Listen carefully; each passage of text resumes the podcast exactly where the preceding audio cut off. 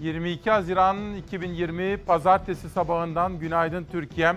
Bugün yine haber ve hakikat yolculuğunda sizlere Türkiye'den ve dünyadan en son bilgileri, en sağlıklı haberleri ve saklanmayan hakikati, saklanmayan gerçeği anlatmaya çalışacağız.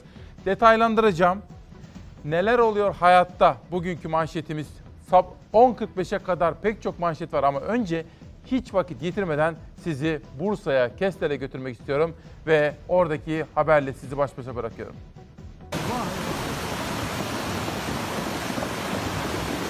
Çok büyük felaket. traktörler, tankerler, binalar, bütün köyün alt katları komple su. Annemle babamı çekti aşağı doğru götürdü içeride engelli kız kaldı. Engelli. Kimse gelmedi yardıma. Çok bağırdım, çok çağırdım ama Sel felaketi 4 kişiyi hayattan kopardı. Engelli bir genç kadın evinde yakalandığı selden canını kurtaramadı. 4 kişi ise sel sularına kapılıp kayboldu. Sabahın erken saatlerinde kayıp 4 kişiden ikisinin daha cansız bedenine ulaşıldı. Sel sularının önüne katıp sürüklediği araçların görüntüsü felaketin boyutunu gözler önüne serdi. İçişleri Bakanı can pazarının yaşandığı sel bölgesine gitti. Saat 17 sonrası Bursa'da e, Orhan Gazi'den başlayan ve Bursa'nın e, merkezine doğru da e, etkisi e, hissedilen yağmur mevsim normallerinin çok üzerinde bir şiddetle yağmaya başlayınca hemen e, hem valiliğimiz, Büyükşehir Belediye'miz, tüm ekiplerimiz gerekli tedbirleri almaya başladılar. Akşam saatlerinde Bursa ve çevresinde etkili olan kuvvetli sağanak yağış pek çok noktada felakete dönüştü. Kestel ilçesine bağlı Dudaklı, Narlıdere, Gölcük, Sarıkaya, Kayacık ve Aksu mahallelerinde yaşanan sel felaketi can kayıplarına neden oldu. Nasıl olmuş olay? Yukarıdan gelen e, taşlar binaya basıyor, binaya basınca işte su bir yerde toplanıyor. Duvarı deliyorlar ama bir tane can kaybımız var. Dudaklı mahallesinde yaşayan Kader Akbaba kas hastası olduğu için evinde yakalandığı selden kendini kurtaramadı, yaşamını yitirdi. 24 yaşındaki Kader Akbaba'nın babası Recep Akbaba köy meydanında sel sularında yitip gitmekten son anda kurtarıldı. Evet o da özürlüydü biraz. Kurtaramadık onu da. Babasını da burada kurtardı. Köy meydanına kadar gelmiş, su getirmiş. Burada çektik aldık. Kader kızımız e, hayatını kaybetti. Geçmiş olsun ve başımız sağ olsun dileklerimizi iletiyoruz. Bursa Valiliğinden yapılan açıklamaya göre Kayacık Mahallesi'nde ise 7 kişilik bir aile barakalarında sele yakalandı. Aileden 2 kişi kendi imkanlarıyla sudan kurtuldu. Kalan 5 kişi ise sele kapılıp kayboldu. Kayıp ailenin kız çocuğunun cansız bedenine gece saatlerinde ulaşılmıştı. Aileden sele kapılıp kaybolan 4 kişiden ikisinin daha cansız bedeni sabah erken saatlerde bulundu. Ölü sayısı 4'e yükseldi. Şu anda 257 e, arama kurtarma, e, AFAD, e, UNKE, 112 sivil toplum kuruluşları e, hep birlikte Büyükşehir Belediye'miz, e, diğer belediyeler hep birlikte bir arama kurtarma yapılıyor. İçişleri Bakanı Süleyman Soylu gece saatlerinde felaket bölgesine ulaştı. Arama kurtarma çalışması yürüten ekiplerden durumla ilgili bilgi aldı. Biz berbat bittik ablacığım biz bittik bittik bittik. Bir tane sağlam eşyam kalmadı ablacığım. Çöpü getirin komple çöp atın. Bir tek canımızı kurtardı. Nereye kadar geldi bak evimde bak. Görün. Evimdeki suyun halini görün bak şuradaki bak. Meteoroloji bölgede kuvvetli sağanak yağış ve dolu tahminini duyurmuştu. Ancak yaşanan sel felaketinin boyutu tüm tahminlerin ötesindeydi. Öylesine kuvvetliydi ki sel yüzlerce kilo ağırlıktaki araçlar teneke kutular gibi sürüklendi. Önüne kattığını sürükleyen sel kaya parçalarını ve ağaçları yerinden kopardı. Bir anda gelen selle neye uğradığını şaşıran pek çok köylü kendini can pazarının ortasında buldu. Yani inanılmaz bir şey. Ben böyle bir şey hiç görmedim. E, tarifi de çok zor. Deredeki debi şu anda çok yüksek. Ümidimiz e, onlara sağ ulaşabilmektir. Kestel'de hem Orhan Gazi'de ciddi bir e, yağış aldı. Orhan Gazi ilçesinde ise Yeni Sölöz ve Bakırköy mahallelerinde sel nedeniyle hasar yaşandı. Selin etkili olduğu mahallelerde iş makineleri sabahı beklemeden çalışmaya başladı. Bir yandan yerleşim yerlerinde selle birlikte gelen çamur ve kaya parçaları temizlenmeye çalışılıyor. Giriş katları neredeyse tamamen dolduran sel sularının hasarı giderilmek için çalışma yürütülüyor. Öte yandan kayıplar için arama kurtarma çalışmaları sürüyor. Derede ağaçlıklar da var. O da bizim arama kurtarma çalışmalarında istediğimiz e, sonucu almamızı inşallah etkilemez. Bursa'mıza, Kestelimize hem baş sağlığı diliyorum hem geçmişler olsun diyorum. Bir arkadaşım bütün odağını oraya çevirdi. Oradaki gelişmeleri an be an takip etmekte efendim. Ve sizler uyanan Çalarsat ailesi Mehmet Erdemli Niğde'den, Celal Asıl'dan, Gediz'den. Gediz'den olup bittiğini anlamadım. Arkadaşlarıma söyledim. Bakıyorlar. Çünkü Gediz'de bir şeyler oldu diyor Celal. Nevin Özçeker Ankara'dan ve Gülay Top'tan da uyanmış. Uyananlara günaydın diyorum. Bu sabah İsmail Küçükkaya ile yeni haftanın ilk günün manşeti neler oluyor hayatta? Gazete manşetlerine geçiyorum. Şenaz hazır mıyız? Başlayalım. Neler oluyor hayatta diyoruz. Bugün Sözcü gazetesi garantili hayat oh ne rahat manşetiyle çıkmış. Başak Kaya imzalı çok konuşulacak bir manşet. Ekonomi krize girse de onlar paralarını alıyor. İktidarın köprü, tünel, hastane, havaalanı gibi müşteri garantisi verdiği projeler millete yük oluyor. İşletmecisine servet kazandırıyor. Şöyle fotoğraflara tek tek bir bakalım. Yavuz Sultan Selim Köprüsü köprüye garanti manşetiyle var birinci sayfada. Tünele yani Avrasya Tüneli'ne verilen garantiler. Osman Gazi Köprüsü'ne yine verilen garantiler. GAR, Ankara Hızlı Tren Garı 2037'ye kadar işletmecide 106 milyon yolcu garantisi verildi. Burada farklı olarak gelen yolcu başına 1,5 dolar ödeniyor. Millete yükü 159 milyar milyon dolar bakın 159 milyon dolar. Bu tarafa geliyorum ambulansa garanti. Sağlık Bakanlığı'nın kiraladığı iki ambulans uçak için günlük 2 saat uçuş garantisi verildi. Uçmasa da para alacaklar. 4 yılda 126 milyon lira ödenecek. 25 yıllığına 22.1 milyar euroya ihale edildi İstanbul Havalimanı. Son bir yılda garanti edilen 233.1 milyon euroluk dış hat gelirini aştı. Devlette 22.4 milyon ödeme yapacak. Hemen yanında Zafer Havalimanı Kütahya'da 28 yıllığına işletilecek. Kütahya Afyon Uşak'ın nüfusuna yakın yolcu garantisi verildi. Geçen yıl %5'i tuttu. Firmaya 5 milyon euro ödeme yapıldı. Şehir hastaneleri de garanti veriliyor diye birinci sayfada yer bulmuş. 10 şehir hastanesine 2017-2019 için 4.3 milyar lira kira ödendi. 2020 için 5.6 milyar lira ayrıldı. Bu parayla devlet 9 şehir hastanesini kendi yapabilirdi diyor efendim. Bugün işte ekonomiye dair haberleri de sizlere aktaracağım. Dün Türk İş Başkanı ile de konuştum. Kıdem tazminatı ile ilgili ona bir takım sorular sordum. O da bana gerek Cumhurbaşkanı ile yaptığı temaslardan, gerek edindiği izlenimlerden, gerekse de Türk İş bünyesindeki işçilerden aldığı izlenimleri aktardı. Kıdem tazminatı bugünkü ana gündem maddelerinden birisi olacak. Ama ülkeme, Türkiye'mize, Osmaniye'ye başsağlığı dilemek istiyorum. Önce çünkü çünkü şehidimiz var. Pençe Kaplan operasyonuyla Mehmetçik teröristlere darbe indirdi. Köşeye sıkışan teröristlerle askerlerimizin arasında çatışma çıktı. Çıkan çatışmada piyade uzman onbaşı Ertuğrul Köse ağır yaralandı. Kaldırıldığı hastanede kurtarılamadı, şehit oldu. Mehmetçik terör örgütüne sınırın ötesinde operasyon düzenliyor. 17 Haziran'da başlayan Pençe Kaplan operasyonuyla terör yuvaları yerle bir ediliyor. Teröristlere ağır kayıp verdiriliyor.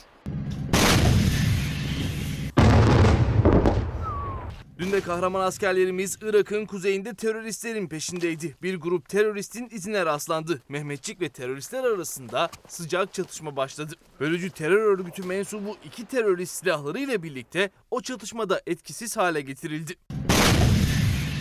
Çıkan çatışmada 22 yaşındaki piyade uzman onbaşı Ertuğrul Köse ağır yaralandı. Onbaşı Köse hemen hastaneye kaldırıldı tedavisine başlandı. Ancak yapılan tüm müdahaleye rağmen kurtarılamadı, şehit düştü.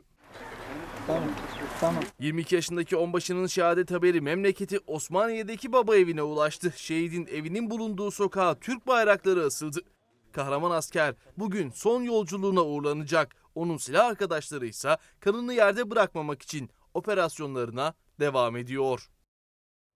Allah ailesine sabır versin. Şehidimize de rahmet diliyorum. Mahmut abimiz diyor ki Mahmut Solak Subaşı İsmail'im diyor Bursa'da, Kestel'de, bu civarda böyle bir yağış görülmüş şey değildir diyor. Geçmiş olsun diyorum. Arkadaşlarım takip ediyorlar efendim. Pınar Hanım günaydın Ankara'dan son iki yıldır neler oluyor hayatta diyor. O da gerçekleri çalar saat fa- farkıyla almak istiyor. Sözcüden bir haber daha. Sözcü gazetesi adına Hande Zeyrek bir röportaj yaptı İsmail Küçükkaya ile.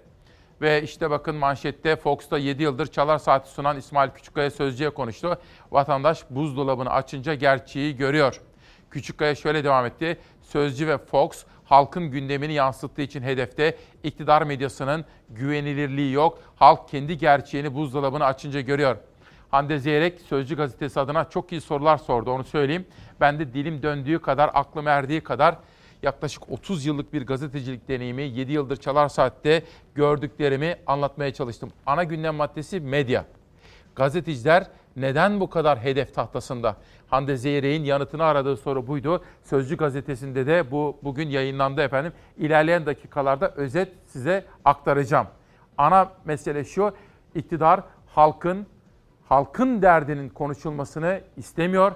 İktidar çok az sayıda kalmış bağımsız ve tarafsız gazeteciler üzerinden bir algı operasyonu mu yapıyor? İşte yanıtını aradığı soru buydu Hande Zeyrek'in. Acaba neler dedim? İlerleyen dakikalarda küçük küçük özetler sunacağım. Şimdi Sözcü'den Hürriyet'e geçiyorum. Hürriyet gazetesinde çocuklarımıza ilişkin bir manşet. Bu değil arkadaşlar. İlk turda çocuklarımız. Evet. Çocuklara yanlış yanlış yapmışlar. Hemen bakalım listemize bir saniye. Hürriyet bak yanlış yapılmış orada. Bir küçük hata olabilir. Küçük teknik bir hata. Ben buradan okurum. Siz dolun Zeray, e, Şenaz. Çocuklara derin tuzak. Aile Bakanlığı müdahale etti ve YouTube'da çocuk istismarı içeren videolara erişim engeli getirildi. Ama tehlike derinde YouTube'da çocuklar için hala onlarca masum görünümlü tuzak kanal var. Bugünkü bu buluşmamız içerisinde çocuklarımıza ilişkin bu önemli manşette sizlere aktaracağım. Şimdi Trump'ı rica edeceğim. Aslında Trump ikinci turda olacak ama şimdi hazır bir küçük teknik hata almışken size okuyayım. Çünkü önemli bir olay bu da. Onun haberi hazırlanıyor, ikinci tura yetişir. Bakın ben suyu nasıl içiyorum. ABD'de Kasım ayında yapılacak seçimler öncesinde adaylar arasında su savaşları yaşandı. Daha önce su içerken bardağı tek eliyle tutamayan Trump'ın sağlık durumu ile ilgili spekülasyonlar yapıldı. Rakibi Joe Biden da kampanyasına koşuyor ve tek elle su içiyor ifadesini ekledi. Trump ise yanıt olarak Tulsa'daki mitingde tek eliyle tuttuğu bardaktan su içti. Ama bununla sınırlı değil efendim. Şöyle, hani böyle tutarak içmek zorunda. Şöyle göstereyim size.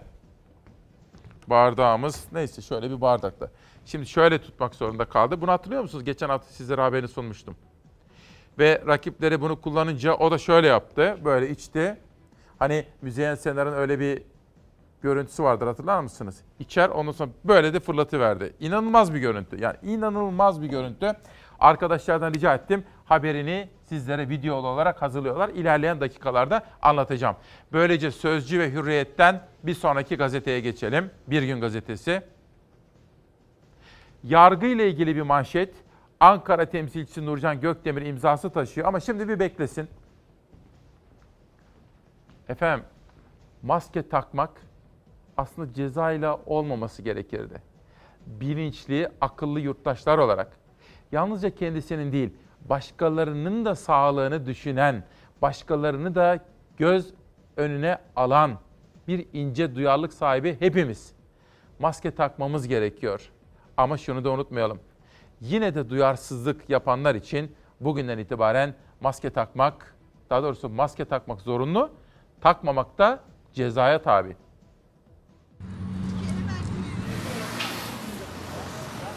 1 Haziran sonrası çok enteresan bir dönem. Ee, Biz sanki hiç 11 Mart 31 Mayıs arasını yaşamamışız gibi bütün alanlardaki hareketliliklerimiz pandemi ilanından önce dönemden hemen hemen aynı seviyeye gelmiş. Virüsle mücadelede 1 Haziran'da atılan normalleşme adımları sonrası uzmanları endişelendiren gevşemeyi koronavirüs tablosu da gösteriyor. Günlük vaka sayısı hala binin çok üzerinde.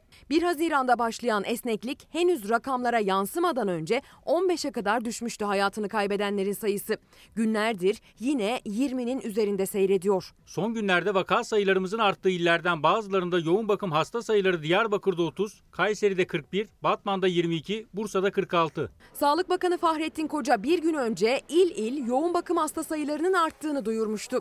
Son tabloyu değerlendirdiği paylaşımındaysa vaka artışına rağmen düşük seyreden yoğun bakım hasta sayılarını verdi. Bazı illerimizde vaka artışına rağmen yoğun bakım hasta sayımız düşük. Ankara'da 84, Konya'da 46, Bursa'da 43, Batman'da 22, Siirt'te 8, Van'da 5. İllere göre yoğun bakım hastalarının durumunu paylaştı yine Sağlık Bakanı. Son tabloya göre iyileşen hastaların sayısı ise yeni tespit edilenlerin 220 üzerinde. Uzmanlar salgının ilk günlerinden çok daha dikkatli olunması gerektiğini söylüyor. 11 Mart'ta bizim bir tane vakamız vardı ama bugün itibariyle aramızda yaklaşık 23 bin tane vaka var. İkinci bir dalga olabilir. İkinci dalganın birinci kadar kuvvetli olmayacağına da kesinlikle eminim. Çalar Saat hafta sonunda Merve Yıldırım'ın konuğu olan kalp cerrahı Bülent Polat da ikinci dalga uyarısı yaptı. Bu hastalık daha aylarca devam edecektir. Belki yaz döneminde salgının derecesi biraz azalabilir. Eylül-Ekim gibi sonbahardan sonra tekrar bir artış Eyvah, yaşanma okulların ihtimali var. açıldığı Yeniden tedbir uyguluyorsunuz. Sonra azalmayı sağlanınca yeniden kaldırıyorsunuz. Artış oluyor yeniden uyguluyorsunuz. Bunun böyle gitmesi lazım. Ama kendi haline bırakırsanız bu artışlar sürekli yaşanabilir. Enfeksiyon Hastalıkları Derneği Başkanı Profesör Doktor Mehmet Ceyhan'a göre de uzun sürecek salgın. O yüzden normalleşirken tedbirleri elden bırakmamak şart. Hem restoranlarda hem kafelerde onu servise hazırlayan kişileri görmüyoruz. Eğer onların içerisinde virüs taşıyan birileri varsa onlar o bardağı kirletebilir ve o şekilde gelebilir size. Bu şekilde bulaşlar biliniyor. Kafe ve restoranlarda servis edilen içecek ve yiyeceklerden koronavirüs bulaşanların olduğunu söyledi Profesör Ceyhan. Bardak ve çatalları müşterilerin de temizlemesini istedi. Çay içecekseniz, kahve içecekseniz kolonyalı mendil gibi ya da işte dezenfektanla ıslatılmış kağıt mendil gibi bir şeyle ağzınıza gelen tarafları silip ve elinizi değdirdiğiniz zaman ağzınıza falan götürmeden mutlaka ellerinizi temizleyin. İstanbul'da maske takmak zaten zorunlu ama bu kuralı uyan az. Sahiller hafta sonunda tıklım tıklım ama maske takan da sosyal mesafeye uyan da çok az. İçişleri Bakanlığı'nın 81 ilin valiliğine gönderdiği talimat doğrultusunda son uyarılar yapıldı. Bugünden itibaren İstanbul ve Ankara dahil 48 ilin tamamında 33 ilde ise alışveriş merkezi ve toplu ulaşım araçları gibi kalabalık alanlarda maske takmayanlara 900 lira ceza kesilecek. Lütfen sosyal mesafeye dikkat edelim. Ağız ve burnumuzu kapatacak şekilde maskelerimizi takalım. Maskemizi takalım. Haberi Ezgi Gözeger hazırladı. Evladıyla 4 gün ilgilendi ve yeniden habercilik koşusuna katıldı. Haberde dikkatiniz çekmiştir. Merve Yıldırım da tabii yaz dönemine girdik artık. Hafta sonu Çalar Saati sunacak. Haberlerden sizi haberdar edecek Merve Yıldırım. Bütün yaz boyunca hafta sonları Çalar Saat'te sizlerle birlikte olacak onu söyleyelim. Fatih Portakal kardeşim yaz saatine çıktı. 2 aylık bir tatil. Onun yerine akşamları biliyorsunuz Gülbin Tosun'la Burak kardeşim dönüşümlü olarak sizlere yardımcı olacaklar hafta içi hafta sonu. Ben daha bir süre daha buradayım onu da söyleyeyim. Ve Metiye Hanım, Metiye Toker annemiz kıymetli bir Cumhuriyet öğretmeni. Demokrasi meydanına katılmış. Metiye annemizi buradan sevgiyle selamlıyor, ellerinden öpüyorum. Seydi Polat, bize sadece adalet lazım diyor. Bakın şu mesajlar o kadar önemli ki benim için. Yani en çok neyi merak ettiğinizi, işte Sözcü'deki röportajda da onu söyledim. İktidarlar halkın ne konuşuluyorsa yansımasını istemezler efendim. Eğer dertliyse halk. Ama gerçek gazetecilerin görevi nedir? Onların görevi halkının sorununu aktarmak değil mi? Gazeteci bunun için var. Gelin bakın adalet. Seydi Polat adalet lazım diyor. Ve adalet istiyorum. Bir başkası Tarsus'ta yapılmakta olan Türkiye'nin ikinci en büyük Çukurova Bölgesel Havaalanı 10 yıldır neden bitirilmiyor? Bakın bu da bir başka soru. Hande Çelen, Houston'dan günaydınlar İsmail Bey iyi yayınlar diyor. Hande Hanım'a şöyle bir bakalım Houston'a. Bakın bir Atatürk, bir öğretmenmiş kendisi. Hani Metiye Hanım öğretmen demiştik ya, öğretmenlerimizi de buradan sevgiyle, saygıyla selamlıyorum. Bu mesajları okumayı o kadar seviyorum ki böyle sabah size günler güne birlikte başlayınca üstelik sizin mesajlarınızı görünce önüm böyle aydınlanmış oluyor. Ve işte Nurcan Gökdemir'in bir gündeki manşeti. Usul ve mevzuatı saf dışı bırakacak paket. Yargıda keyfim böyle istediği dönemi başlıyor. Meclise bu hafta gelecek yeni yargı paketi çok tartışılacak. Paket hakimlere delil değerlendirme ve gizli duruşma gibi kararları serbestçe verme hakkı tanıyor diyor gazete. Bir okuyalım bakalım detayda ne var. Yargıya siyasi müdahale son bulmuyor. Mecliste görüşülmesine bu hafta başlanacak yargı paketi, mahkemelerde son yıllarda yaşanan kuralsızlığı kalıcılaştırıcı hükümler içeriyor. AKP'nin 63 maddelik torba kanun teklifi hakimlerin usul hukukuna bağlı kalmadan karar verebilmesinin önünü açacak. Buna göre hakimler delil değerlendirmeden duruşmaların taşınmasına kadar sayısız konuda mevzuat sınırlamalarına takılmadan daha serbest kararlar verebilecek. Duruşma gizliliği kararında korunmaya değer üstün menfaat tanımıyla subjektif değerlendirme hükme bağlanıyor diyor efendim. Biraz sonra tutuklu gazeteci Barış Terkoğlu bir yazı kaleme almış. Çok çarpıcı detaylar var. Onu anlatacağım.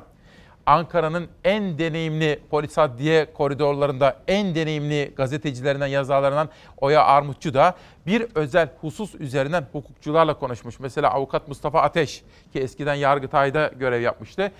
O da bugün gündemine hukuk dünyasını taşımış efendim. Yani bugünkü ana gündem maddelerimizden birisi de hukuk olacak, adalet olacak, olacak ve ayrıca da sizlere ilerleyen dakikalarda baroların yürüyüşünü aktaracağım. Maske demişken bugün 7 ayrı köşe yazarından alıntılar yapacağım. Serdar Turgut da Amerika'da Amerika'nın bölünmüşlüğünü yazmış. Ama deneyimli yazar bu defa siyasi veya toplumsal kutuplaşmadan değil, maske takma konusunda Amerikan halkının nasıl ikiye bölündüğünü yazıyor. Bir kısmı diyor ki devlet karışamaz bana. Ben maske istersem takarım, istersem takmam derken bir kısmı da diyor ki burada halk sağlığı söz konusu. İşte bugün Serdar Turgut'un yazısı üzerinden de bu konuya değineceğim efendim. Bir günden karara geçiyorum. Ama önce Şenaz pardon. Az evvel Türkiye'ye baktık ya efendim. Dünyaya bakacağız şimdi. Dünyadan koronavirüse ilişkin en son bilgiler ve rakamlar.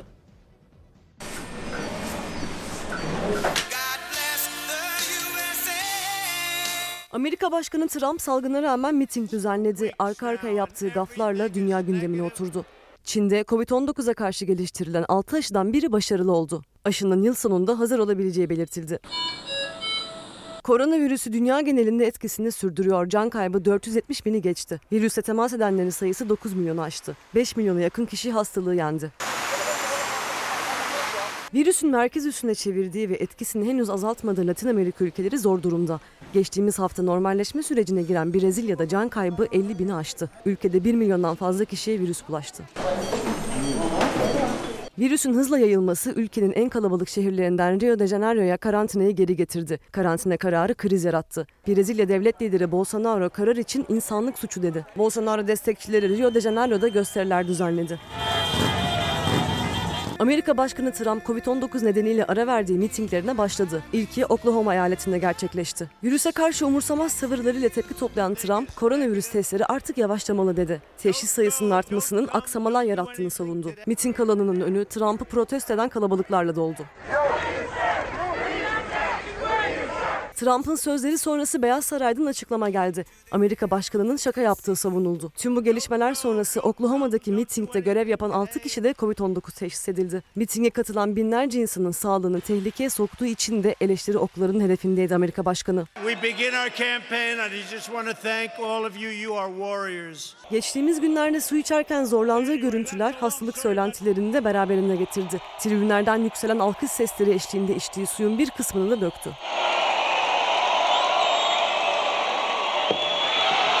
Umutlandıran haber virüsün ilk görüldüğü Çin'den geldi. 6 farklı aşının birinde ikinci aşamaya geçildiği açıklandı. Yan etkileri araştırılan ilaç onaylanırsa yıl sonunda hazır olacak. Öte yandan Çin'de ikinci dalga etkisi sürüyor. Yeni vakalar her geçen gün artıyor ancak ülkeden yeni ölüm haberleri gelmiyor. Bugünkü ana gündem maddelerimden birisi adalet olacak, baroların yürüyüşü olacak demiştim efendim. Manşete ne diyorsunuz? Sizler de katılın olur mu? Neler oluyor hayatta diyoruz. Gelin hep beraber konuşalım. Murat Kartal. Bakın o da bir atama istiyor. Fahrettin Koca'ya da yazmış Sağlık Bakanı'na. Odyologlar atama istiyormuş. Nevin Özçeker, Oya Armutçu. Biraz evvel söylemiştim Mustafa Ateş ile konuştu. Bugün hukuk dünyasına dair bir tartışmayı değerlendirmişler. Oya Armutçu. Özgür Kaya sana günaydın bana Rojbaş diyor. Günaydın Rojbaş kardeşim. Bir başka mesaj daha okuyalım. Şöyle bakalım başka kim var.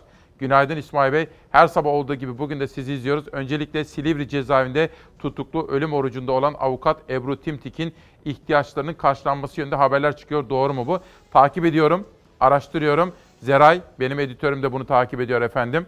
Biraz sonra cezaevinden yazılmış bir yazıyı da sizlere okuyacağım.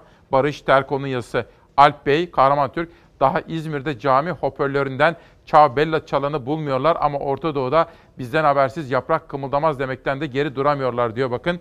İşte halkımızın görüşleri, önerileri, fikirleri böyle efendim. Karar Gazetesi sarı ağalara yol bitti diyor. İstanbul Büyükşehir Belediyesi'nin 5000 yeni taksi projesiyle plaka fiyatları gerileyince bu alandan rant devşiren dar bir kesim fren olmak için devreye girdi. İtirazların İstanbul'u kilitleriz tehdidine ulaşması ise kamuoyunu rahatsız etti. İstanbullular yıllardır çözüm bulamayan sorun hem hizmet kalitesini artırılarak hem mağduriyet yaratılmadan çözülsün beklentisini projeye %93 destek vererek ortaya koydu diyor efendim. Bu da günün en çarpıcı manşetlerinden birisiydi. Ben destekliyorum. Hatırlar mısınız Ekrem İmamoğlu buraya geldi demokrasi meydanında bu projeyi ilk dillendirmişti. Ben de bir halk olarak, bir vatandaş ve bir gazeteci olarak bu projenizin mutlaka hayata geçirmesini isterim ve ben de destekliyorum demiştim. Sabahları biz hani uyanıyoruz ya, uyanırken ruhumuz da uyansın, bedenimiz de uyansın, bir şey daha uyansın. Vicdanınız. 9300 lira öyle bir gitmiş. 5000 lira kredim öyle bir gitmiş. Ek hesap vermişler 5000 lira şey 6000 lira banka o da gitmiş. Beynimden vurmuşa döndü. O paranın içinde oğlunun tedavi masrafı da vardı. Cep telefonuyla arayan vicdansızlar DMD kas hastası çocuğun babasını oğluna yardım edeceğiz bahanesiyle dolandırdı. Ya ben evladımın derdindeyim. Ben sana evladımın tedavi masrafını göndermişim. Afyonkarahisar'ın Bayat ilçesine bağlı Sığırlı köyünde yaşayan Ahmet 9 yaşında. Bir kas hastalığı olan DMD ile mücadele ediyor ancak hastalığın Türkiye'de tedavisi yok. Baba İsmail Bostan Hindistan'da bir hastanenin DMD'yi tedavi ettiğini öğrendiğinde yardımseverlerin de desteğiyle oğlunu Hindistan'a götürdü. Yurda döndükten sonra ikinci kez Hindistan'a gidebilmek için yeniden para biriktirmeye başladı.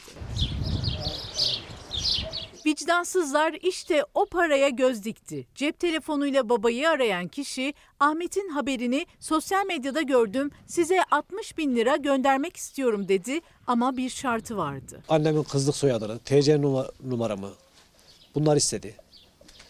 Ee, 2000 lira para yollamamı istedi. Şimdi Ahmet'in tedavisi için para yardımı yapıyor diye biz şey umutlanırken biz tuttuk 4000 lira daha yolladık. Bana bir 8 haneli bir şifre verdi. Baba İsmail Bostan durumdan hiç şüphelenmedi, denilen her şeyi yaptı. Bankaya gidene dek de dolandırıldığını anlamadı. O kasiyerdeki bayana verdim numarayı. Hesabım yani böyle bir hesap olmadığını, böyle bir paranın da olmadığını söyledi. Daha şubeden ayrılmadan babaya bir de 16 bin liralık kredi onaylandı. Zaten ödeme durumum zor diye 10 bin lirasını ka- kabul ettim ben.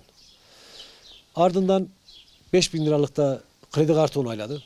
Dolandırıcı onaylanan krediyle kredi kartındaki limiti de kendi hesabına geçirdi. 20 bin lira dolandırılan baba daha sonra Bayat İlçe Jandarma Komutanlığı'na giderek şikayette bulundu. İnsanda önce insaf olacak, vicdan olacak. Anne babaların çocuklara önce iyi insan olmayı öğretmesi gerekir. Bu arada geçmiş babalar gününüzü kutluyorum. Ben de bana her zaman iyi insan olma öğüdünü veren ve kendisi de bana her zaman örnek olan rahmetli babamı saygıyla anıyorum buradan efendim. Yitirdiğimiz babalarımızı rahmetle, saygıyla anarken hayattaki anne babalarımıza sıkı sıkı sarılıyoruz ki kıymetini bilelim. Onlar hayattayken kıymetini bilelim. Şeref Türk, İsmail Bey bir öneri.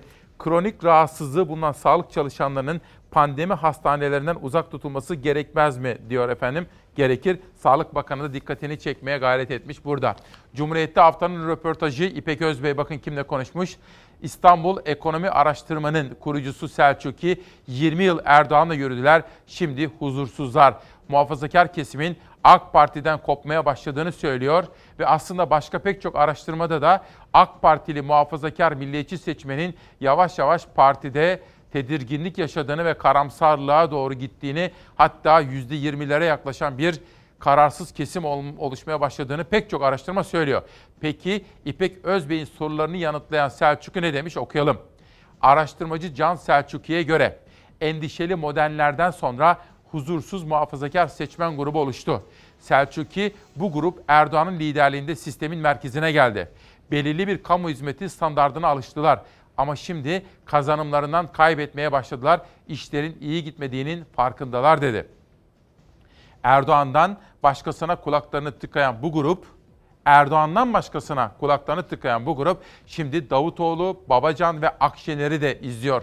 İstanbul'da da İmamoğlu ne diyor diye baktılar ve ikna oldular diyen Selçuk'i genç ebeveynlerin çocuklarını İmam Hatip'e yollamadıklarını da vurguladı diyor efendim. Şimdi bir reklam arasına gideceğim. Bugün bir Cumhuriyet kadını Muazzez İlmiye Çığ 107 yaşında bugün itibariyle sürprizlerim var. İlerleyen dakikalarda aktaracağım. Ama ana gündem maddelerimden birisi bu baroların yürüyüşü olacak. Bu çok önemli bir gündem. Ve iki, kıdem tazminatı. Bugün Bir Gün Gazetesi'nde Aziz Çelik'in tam sayfa bir röportajı ve analizi var. Kıdem tazminatı ne oluyor? Dün Türk İş Başkanı'nı aradım. Kıdem tazminatı konusunda Cumhurbaşkanı'nda neler konuştuklarını sordum. Detaylar verdi, ipuçları verdi. Kendi fikrini sordum, o da anlattı. Türk İş Başkanı. Kıdem tazminatı ana gündem maddelerimden birisi olacak. Bir de tutuklu gazeteciler konusunda ne kadar üzüldüğümü bilmektesiniz değil mi? Barış Terkoğlu bugün avlumdaki ölü kuşlar başlıklı bir yazı kaleme almış. Ama şimdi özet veremeyeceğim. Önce reklamlara gideceğiz. Dönüşte ana gündem maddeleriyle devam edeceğiz. Yaz dönemindeyiz. Yeni bir gün, yeni bir hafta. İsmail Küçükkaya ile Demokrasi Meydanı'ndasınız efendim. Bugün bugün Demokrasi Meydanı'na giriş anahtarı neler oluyor hayatta? Ama doğrusunu söylemek gerekirse planladığımız, istediğimiz, hayal kurduğumuz gibi bir başlangıç yapamadık. Çünkü önce bir şehit haberimiz geldi Osmaniye'den. Kahramanımıza Allah'tan rahmet diledik. Sonra Bursa, Kestel. Hatta o haberi bir daha güncelleyerek vermek isterim. Çünkü efendim çok yoğun bir yağış aldı. Bursa, Kestel ve bütün o civarı ve maalesef 5 yurttaşımız hayatını yitirdi. Öyle mi? Gelmedi mi? Peki yetişmemiş. Çünkü güncellememiz gerekiyordu. Her an sizlere sabah söylemiştim. Her an yeni bilgiler geliyor demiştim. Görüntüler değişiyor. Dolayısıyla arkadaşlarım güncellenmiş bilgileri sizlere verecek. Geldiği anda sizlere aktaracağım. Neler oluyor hayatta? Hemen gazete manşetlerine geçiyorum. Sözcü gazetesi garantili hayat oh ne rahat diyor. Şimdi bugün Sözcü gazetesi enteresan bir işe imza atmış. Başak Kaya çalışmış. Şöyle hani iki yıldır, iki buçuk yıldır çok konuşuluyordu. Tek tek bütün o garanti verilen projelere ilişkin haberler hazırlamış. Şöyle bir okuyalım ama dikkatli okuyalım olur mu? Sizler de benimle birlikte takip edin. Önce haber spotunu okuyayım. Kamu özel işbirliği ve yap işlet devlet projeleriyle hayata geçirilen köprü, tünel, hastane ve havaalanlarında uygulanan araç, yolcu, hasta ve uçuş garantileri hazinenin kasasını iyice boşaltıyor. Cebimizden 5 kuruş çıkmayacak denilerek başlatılan her yatırım garantili hale geldi. Geçen geçmeyen, binen binmeyen, uçan uçmayan, gelen gelmeyen fark etmiyor. İşletmecilere para akıtıyor diyor. Şöyle birkaç tanesini okuyalım. Mesela köprüye garanti. Yavuz Sultan Selim'le başlıyoruz. Köprü ve otoyol için günlük 139 bin araç garantisi verildi. Geçen yıl 49 milyon araç bekleniyordu. 13 milyon araç geçti. Aradaki farkı devlet ödedi diyor. Sonra bir başkası. Günlük 70 bin araç garantisi ve araç başına 4 dolar ücret garantisi verildi. Geçen yıl 7.6 milyon araç eksik geçince devlet 2019 için 244 milyon lira ödedi diyor efendim. Geldi mi arkadaşlar? Geldi mi? Kester. Bu habere devam edebilirim efendim. Çok özür diliyorum. Ama benim aklım bir taraftan benim aklım ve kalbim bir taraftan Bursa'da Kestel'de olunca ne okursam okuyayım önce oraya gitmek istiyorum. Bursa'ya, Kestel'e başsağlığı diliyorum.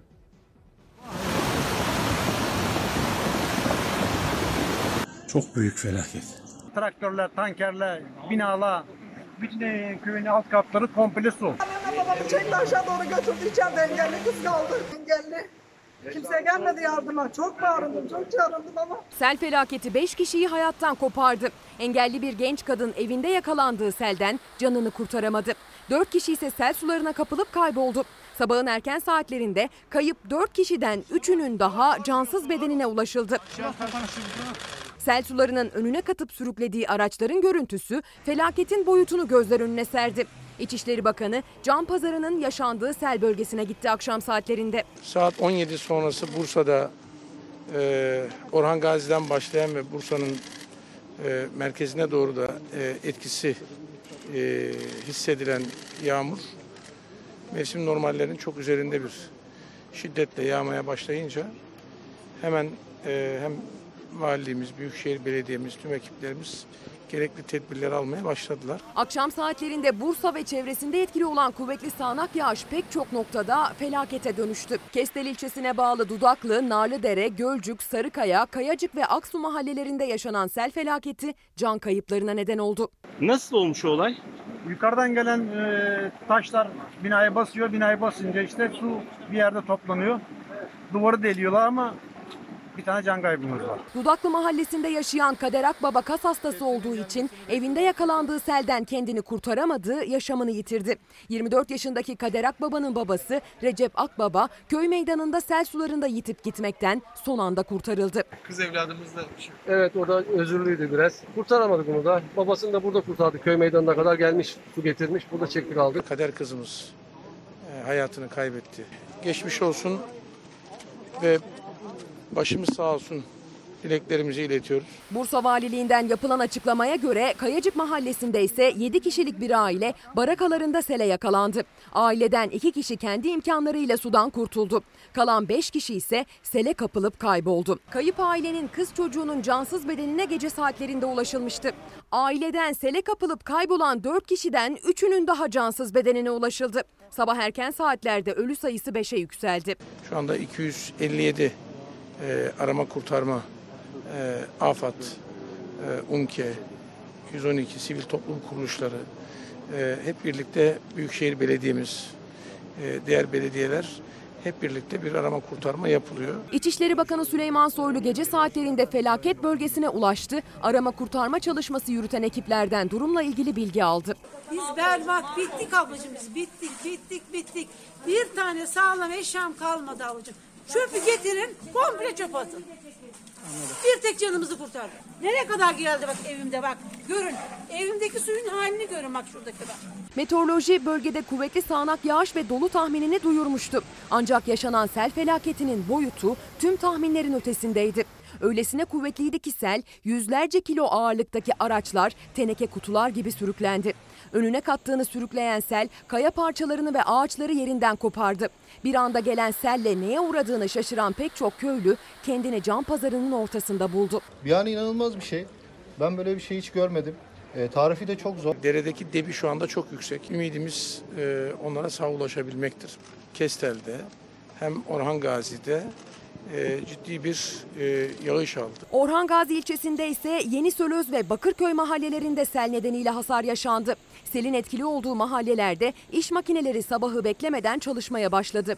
Bir yandan yerleşim yerlerinde selle birlikte gelen çamur ve kaya parçaları temizlenmeye çalışılıyor. Giriş katları neredeyse tamamen dolduran sel sularının hasarı giderilmek için çalışma yürütülüyor. Öte yandan kayıplar için arama kurtarma çalışmaları sürüyor. Derede ağaçlıklar da var.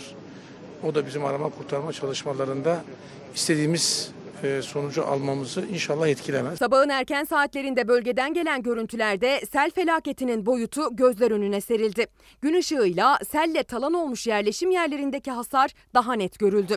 Selde kaybolduğu bilinen bir kişi içinse arama çalışmaları devam ediyor. Bir gözümüz Bursa'da Kestel'de, bir gözümüz Kırklareli'nde. Orada da inanılmaz görüntüler var, sel görüntüleri. Onları aktaracağım. Adana'dan Gül Çomoğlu ve Saadet Çomoğlu da ne kadar üzüldüklerini bize haber veriyorlar ve Bursa'mıza Baş sağlığı ve geçmiş olsun diyor Adana'dan yazan Gül Çomoğlu, Saadet Çomoğlu. Biraz sonra hem Bursa'ya hem de Kırklareli'ndeki sel görüntülerine yeniden güncellenmiş bilgilerle geri döneceğim. Köprüye garanti demiştik. Osman Gazi Köprüsü'nde kalmıştık. Maliyeti 1.2 milyar dolar olan köprü için günlük 40 bin araç geçiş garantisi verildi. Rakam tutmadı. 2019'da 5.7 milyon eksik araç geçince ve o zaman ne oldu? 2 milyar ödendi diyor gazete. Gar inşaatı ve verilen garanti acaba tablo nasıl? 2037'ye kadar işletmecide 106 milyon yolcu garantisi verildi. Burada farklı olarak gelen yolcu başına 1,5 dolar ödeniyor. Millete yükü 159 milyon dolar. Bir de benim memleketime bakalım. Benim memleketimde de Zafer Havalimanı yapıldı. Bakalım nasıl bir garanti verilmiş. 28 yıllığına işletilecek. 28. Kütahya, Afyon, Uşak'ın nüfusuna yakın yolcu garantisi verildi. Geçen yıl %5'i tuttu. Firmaya 5 milyon euro ödeme yapıldı. Türkiye bir dakika Şenaz. Efendim bu bir masal değil. Bu sizin benim param, vergilerimiz. Yanlış hesap olur da bu kadar olur mu? Devletimiz bir hesap yapacak. Müteahhit edecek ki sana şu kadar yolcu gelecek Kütahya'dan. Verilen garantiye bakar mısınız? Kütahya, Afyon, Uşak'ın toplam nüfusu kadar yolcu garantisi verilmiş. Demişler ki bu üç ilin nüfusu kadar yolcu geçecek buradan. Müteahhit demiştir ki herhalde Allah Allah. Ya geçmezse demiştir merak etme. Geçmezse biz vereceğiz. Rakamları bir daha okuyacağım. Türkiye'm bu bir masal değil. Siz demokratik bir ülkenin hak sahibi yurttaşlarısınız. Allah da hepimize akıl fikri verdiğine göre sorgulamamız gerekir. Demokratik sistem böyle işler. Bir daha okuyorum olur mu? Zafer Havalimanı. Şimdi burası yolcu garantisi verilerek bir müteahhite verilmiş. Peki o müteahhit ne yapacak? Bu havalimanını 28 yıl boyunca işletecek. Ona demişler ki sen buraya bir havalimanı yap. 28 yıllığına kadar da işletecek adam böyle bir teklifte bulunmuş belli ki. Kütahya, Afyon, Uşak'ın toplam nüfusu kadar yolcu garantisi vermişler. Demişler ki bu üç ilin nüfusu kadar garanti veriyoruz sana. Bu kadar yolcu geçecek. Peki hesap hani bazen şaşar. %90'ı tutar, %80'i tutar. Hadi bilemedin %60'ı tutsun. Hadi diyelim %50'si tutsun. Geçen yıl %5'i tuttu. Firmaya 5 milyon euro ödeme yapıldı diyor ve 28 yıl boyunca bu devam edecek efendim. Bakın bu işte demokratik sistem halkının özgür iradeli yurttaşlarının bağımsız gazetecileriyle birlikte sorgulamasına. Neden? Neden buna dayanır? Çünkü sorgularsanız iktidarlar hata yapmazlar. Bir daha hiç kimsenin aklına böyle garantiler vermek gelmez, gelmemeli. Ama eğer siz konuşmazsanız, sayısı 2-3 kalmış gazeteci bunu gündeme getirmezse o zaman yaparlar. Hatta o nüfusu üstüne Eskişehir'de kat, Afyon'u kat ne bileyim değil mi? Ama sorgulamamız gerekiyor efendim. Çünkü sizler demokratik bir ülkenin hak sahibi yurttaşlarısınız diyorum.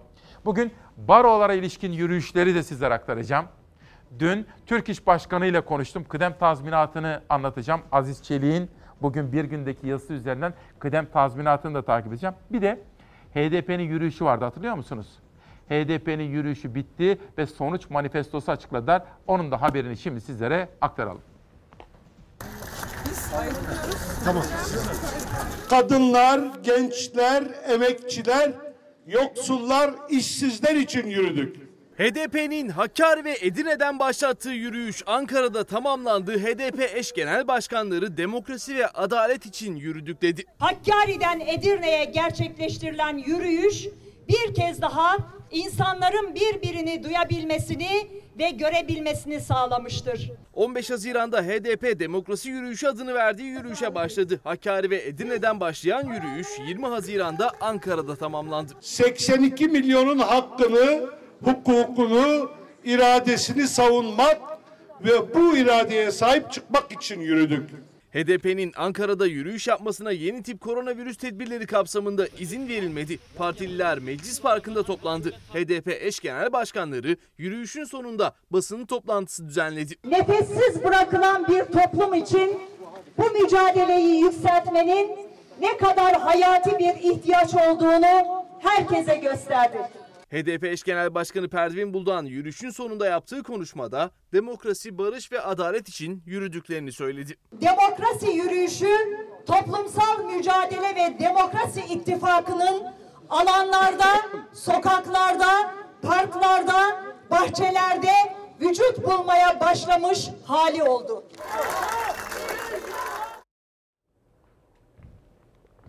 Baroların yürüyüşünü de sizlere detaylı olarak aktaracağım ilerleyen dakikalarda efendim. Sözcüden bir haber daha sonra başka manşetlere geçeceğim. Hande Zeyrek bana ne oluyor diye sordu. Gazeteciler neden hedef tahtasında? İşte Fatih Portakal'ın evinin üzerinde drone uçuruyorlar. Yılmaz Özdil'in villasını bir ay konuşuyorlar. Saygı Öztürk, tutuklu gazeteciler var. Ne oluyor diye sordu Hande Zeyrek Sözcü gazetesi adına. Biz de kendisiyle bir röportaj yaptık. Ben de dedim ki halk gerçekleri konuşmalı. Peki halk gerçekleri nerede konuşacak? Özgür ve bağımsız medyada konuşacak dedim. Bugün böyle bir röportaj yaptık. Hande Zeyrek sordu, ben de yanıtladım. Bugün Sözcü gazetesi vatandaş buzdolabını açınca gerçeği görüyor manşetini atmış. Sözcü gazetesi editörleri birinci sayfadan. İlerleyen dakikalara geçelim ve bir başka gazete manşeti. Libya. Evet şimdi biraz Libya'ya bakmak istiyorum. Çok önemli gelişmeler yaşamakta. Sisi, Mısır'ın lideri var ya darbeci Sisi, bizi tehdit ediyor. Adeta savaş tamtamları çalıyor. Bunun ne olduğuna dair haberleri sizlere aktaracağım. Bugün Albayrak grubunun Yeni Şafak gazetesinde ve Cumhuriyet gazetesinde buna ilişkin manşetler var. Cumhuriyet'te başlayalım. Çatışma riski var. Hüseyin hayatsever. Eski Bakan Yakış. Türkiye ve Mısır Libya'da karşı karşıya gelebilir.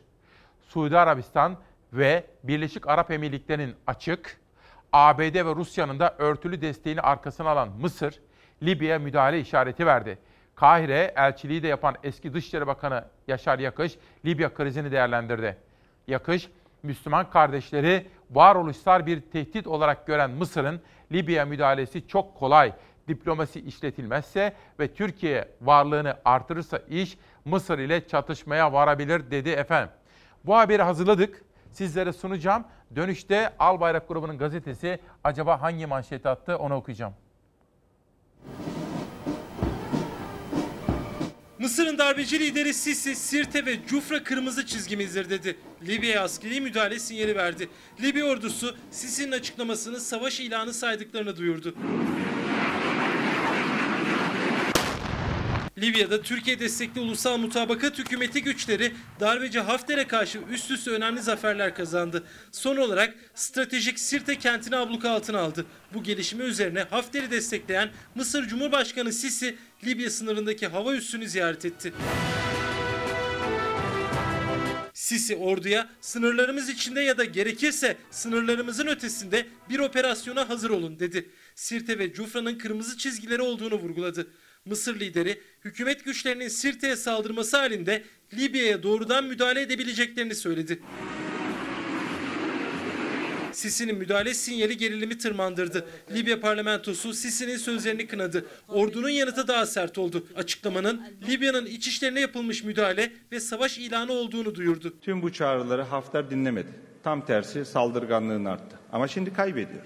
Kaybetmeye de mahkumdur. Bölgede tansiyon yükselirken ateşkes çağrıları da sürüyor. Cumhurbaşkanlığı sözcüsü İbrahim Kalın, Fransız haber ajansı AFP'ye konuştu. Libya hükümeti orada olmamızı istediği sürece orada olacağız dedi. Kalıcı ateşkes için Hafter'e bağlı güçlerin Sirte ve Cufra kentlerinden çekilmesi gerektiğini hatırlattı. İbrahim Kalın, Hafter'i destekleyen Fransa'nın da NATO'nun güvenliğini tehlikeye attığını söyledi. Mısır'la bir sıcak çatışma. Cihat Yaycı'nın kitaplarını okudum. Sizlere defaatle kaç kere anlatmaya gayret etmiştim burada. Ki Cumhurbaşkanı Sayın Erdoğan da ona teşekkür etmişti. Ama ne olduysa görevden ayrılmak zorunda kaldı. Cihat Yaycı, Türkiye'nin Doğu Akdeniz'deki haklarını koruması konusunda stratejik aklını çalıştırmıştı ve bizim Libya ile anlaşmamızın mimarıydı. Ama şimdi bakın Mısır ne diyor, Filistin'le ilgili bir haber var Yeni Birlik gazetesinde. Hepsini okuyacağım sizlere. Bakın Albayrak grubu da bugün bu konuyu manşete taşımış Yeni Şafak. Sadece masa blöfü, Sirte paniği. Libya'da hezimete uğrayan Birleşik Arap Emirlikleri ve Suudi Arabistan, Fransa üçlüsü Türkiye ve UMH'yi Hafter'le masaya oturmak için Mısır'ın darbeci Cumhurbaşkanı Sisi'yi öne sürdü. Ve işte bu UMH dedikleri de biliyorsunuz oradaki yapı ve Sirte ve Cufra'yı kırmızı çizgi ilan eden Sisi, bakın Mısır'ın lideri diyor ki Sirte ve Cufra kırmızı çizgidir. Acaba onu kim konuşturuyor? Soru bu. Libya'yı askeri müdahaleyle tehdit etti ve anında res geldi. Libya meşru hükümetinden savaş ilanı sayarız dedi. Tabii bir blöf yapıyor diyor Albayrak grubu. Ancak bu konu sıcaklığını koruyor. Ben sizlere bunu da takip edeceğim. Dün gündem çalışmalarımızı yaparken bir tarafıyla kıdem tazminatı, işte Türk İş Başkanı söylediklerini de sizlere aktaracağım. Bir tarafıyla barolar. Barolarla ilgili bir manşeti sizlere sunmak istiyorum. Pencere gazetesi baro başkanlarından ağır eleştiri. Feyzoğlu bir avukatlık sorunudur. Türkiye Barolar Birliği Başkanı Metin Feyzoğlu'nun 80 baro başkanının başlattığı savunma yürüyüşüyle ilgili açıklamalarına tepki gösteren İstanbul Barosu Başkanı Mehmet Durakoğlu, Feyzoğlu artık bir avukatlık sorunudur ifadesini kullandı. Hafta sonunda Hakan Çelik'in sorularını yanıtladı.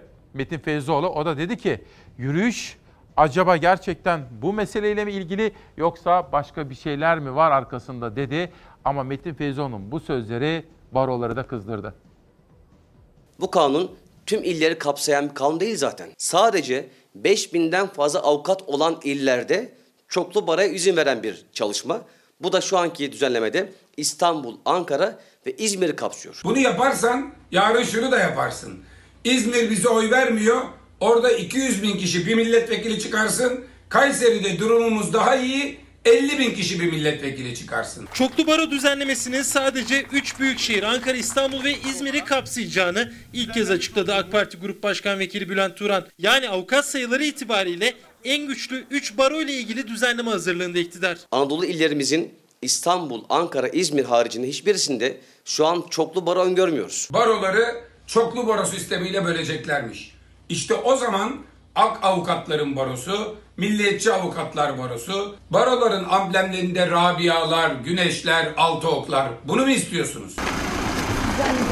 Cumhur İttifakı baroların seçim sistemlerinde ve yapısında değişiklik için düğmeye bastı. Taslak hazırlandı. Düzenlemeye tepki olarak barolar Ankara'ya yürüyüş başlattı. Türkiye Barolar Birliği Başkanı da iktidar gibi yürüyüşe karşı çıktı. Bu yürüyüş avukatların yargının sorunlarını çözmek için midir yoksa başka bir şey için midir? Metin Feyzoğlu barolara tuzak kuran bir Türkiye Barolar Birliği Başkanı konumundadır. Bu yürüyüşlerin, bu eylemlilik sürecinin ilgi görmüş olması kendisine ciddi ölçüde rahatsızlık yaratıyor kendisinde. Yürüyeceksiniz peki bir demokratik hak. Meclise derdinizi anlatmak için yürüyeceksiniz değil mi? E, meclis sizi davet etmiş. Gel bana derdini anlat demiş.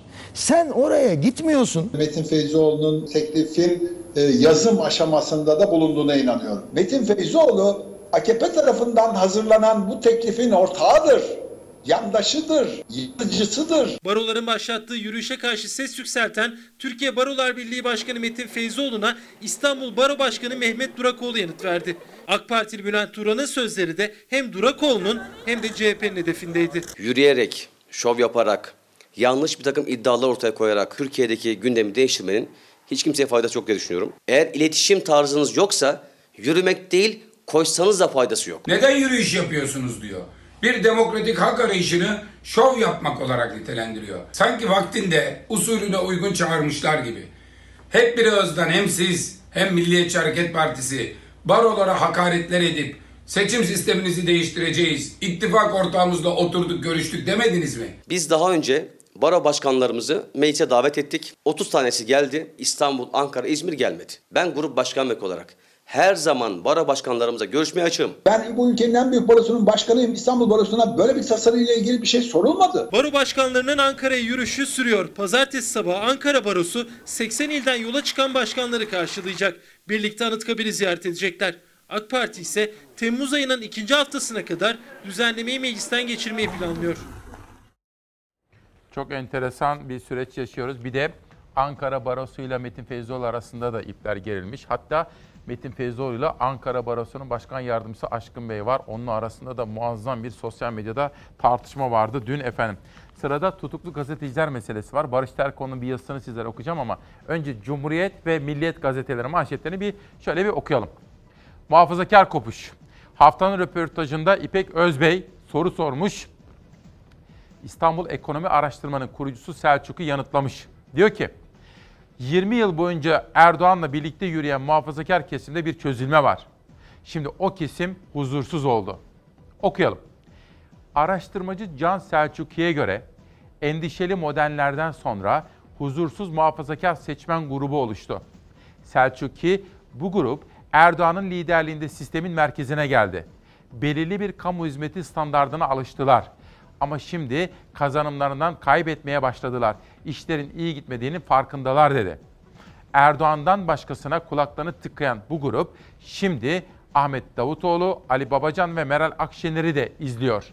İstanbul'da da Ekrem İmamoğlu ne diyor diye baktılar ve ikna oldular diyen Selçuk'i genç ebeveynlerin çocuklarını İmam Hatip'e yollamadıklarını da vurguladı diyor. Bugün herhalde çok konuşulacaktır İpek Özbey'in bu röportajı. Milliyet gazetesine geçeceğim. Bir sağlık haberi var ama efendim bakın. Tutuklu gazeteciler konusu neden önemli? Bana söyler misiniz? Mesela bir gazeteciye haksız saldırılar, linç kampanyaları yapılıyorsa, bazı gazeteciler tutukluysa, 10 bin gazeteci işsizse bu bizi niye üzer efendim? İşte Hande Zeyrek bana bunu sordu Sözcü gazetesi adına. Ben de dedim ki niye önemli bu dedi. Dedim ki bir gazeteciye haksız bir linç kampanyası yapılıyorsa aslında hedef tahtasındaki halktır. Bir strateji, bir taktik uygulanmaktadır. Bir gazeteci tutuklanıyorsa burada tutuklanan kimdir? Gazeteci özgür değilse burada özgür olmayan kimdir? Bir gazeteci işsizse, bir gazeteci patron baskısı altındaysa aslında işsiz olan kimdir? Baskı altında olan kimdir? Bu soruları sormanız gerekiyor. Neden? Bakın. Gazetecilere dönük baskı değişmiyor. Adliyelerin yeniden açılmasıyla birlikte gazeteci yargılamalarına da başlandı. Bu hafta çok sayıda gazetecinin davası görülecek. Basın meslek örgütleri ise gazeteci yargılamalarına tepkili. Her şey değişiyor, gazetecilere baskı değişmiyor. Neden efendim? Bunu düşünmeniz gerekiyor. Türkiye'nin gündemi neden gazeteciler? Neden gün geçmiyor ki sayısı çok az kalmış bağımsız gazetecilere saldırılar, karalamalar yapılıyor? Neden? Düşünmeniz gerekir bunu. Bakın Barış Terkoğlu. Gelin bir yazı yaz, okuyalım şuraya. Şimdi cezaevinde yaşadıklarını anlatıyor. Bir tutuklu ölmüş orada, şurası. Koğuşa dönerken Malta'da telefon hakkını kullanan gözü yaşlı bir kadın mahpus bana dedi ki Helin öldü. Grup yorum solistinin ölüm orucunda hayatını kaybettiğini anladım. Sonra şuraya geliyoruz. Uçaktaki eski teröristler. Gözümün önüne Cumhurbaşkanı'nın uçağı geliyor. Erdoğan'ın bir yanında eski PKK hükümlüsü Yeni Pelikancı, Akşam gazetesi yazarı duruyor. Öbür yanında bir dizi bombalamaya karışmış eski İbdace hükümlüsü, yani Pelikancı Star gazetesi yazarı. Hepsini anlatıyor ve diyor ki Barış, herkesi Tanrı'nın merhametine havale ederiz ama kendimiz hiç merhamet göstermeyiz diyor George Eliot. Buradan anlatıyor efendim. Ve Anayasa Mahkemesi Başkanı Zühtü Aslan'ın adil yargılamaya ilişkin verdiği rakamlardan örnekler anlatıyor efendim. İşte bakın böyle. Bu Türkiye'nin hali pür melali. Utku Çakırözer tıpkı milletvekiliyken Barış Arkadaş'ın yaptığı gibi, Sezgin Tanrıkulu'nun yaptığı gibi, Eren Erdem'in yaptığı gibi. Utku bu gerçeklikleri bildiği için halkının özgürleşmesinin yolunun gazetecilerin özgürlüğünden geçtiğini bildiği için cezaevine gitti. Silivri'de tutuklu gazetecilerle görüştü. Sevgili Müyesser'i hepimiz adına e, ziyaret etme fırsatı buldum. Orada az önce Ahmet abinin söylediği birçok şeyi konuştuk ama sizlere özel, buraya özel birkaç satır yazdırdı. İzninizle sadece onları okumakla yetineceğim. Orada, buradan bahsediyor, çok anım var. 45 gün müthiş mücadele verdik. Bir avuçtuk ama yağmur, çamur, soğuk, sıcak demeden direndik. Bugün orada aranızda olmayı çok isterdim. Karar çıktığında oğlum ilimin omuzlarında orada nasıl tur attığımı hayatım boyunca unutmayacağım. Balyoz, Ergenekon, Oda TV, Askeri Casusluk. Biz bir aileydik, hala da aileyiz. Ancak süreçte kenara çekilip sessiz kalanlar, gerçek fotoyu görmek istemeyenler oldu. Umarım benim tutukluluğum gerçekte bizlerin şahsında ülkemize ne yapılmak istendiğini bir kez daha görmemizi, yeniden kenetlenmemizi sağlar. Hepinizi yürekten kucaklıyorum. Ekonomi haberleri vereceğim sizlere ama Selim Arcan soruyor. İsmail Bey günaydın, merhaba, iyi ki varsınız. Merak ettiğim bir konu. Banka faizleri mevduata yatırdığım para için şu aralar %7, bilemedin 8. Fakat yıllık enflasyon %12. Benim yatırdığım paranın %4'lük kaybı kime gidiyor? Çok iyi bir soru değil mi? Hemen bunu retweet yapayım ki bilen bilmeyen okusun ve bize de yorumlarını göndersin. Az evvel sizlere aktarmıştım. Bakın bugün de bir Sözcü gazetesinde Hande Zeyrek bana bütün bunları sordu. Niye dedi bütün bunlar yaşanıyor şu anda gazeteciler? İşte Sözcü davası, Oda TV davası. Sonra Reuters'ın bir araştırması var efendim biliyorsunuz. Burada yapılan araştırmaya göre en çok güven duyulan kurumlar işte Cumhuriyet Sözcü ve Fox TV çıkıyor. Bütün bunları sordu bana. Ha bakın şu fotoğraf bir zamanlar ben Çankaya Köşkü'nde haber hazırlamışım. Demirel'i dinlemişim ve kulağımda bir teyip var. Başımı hafif yana doğru yatırmışım ki teyipten Demirel'i dinliyorum. Bu da Sözcü Gazetesi'ndeki röportaj. Bugün 7 ayrı yazardan 14 ayrı köşe yazısın, 14 ayrı manşetten size haberler aktarmaya çalışıyorum. Bir dakika bir ekonomi. Şenaz hazır mıyız? Bütün mesele ne biliyor musunuz? Bütün mesele ekonomi.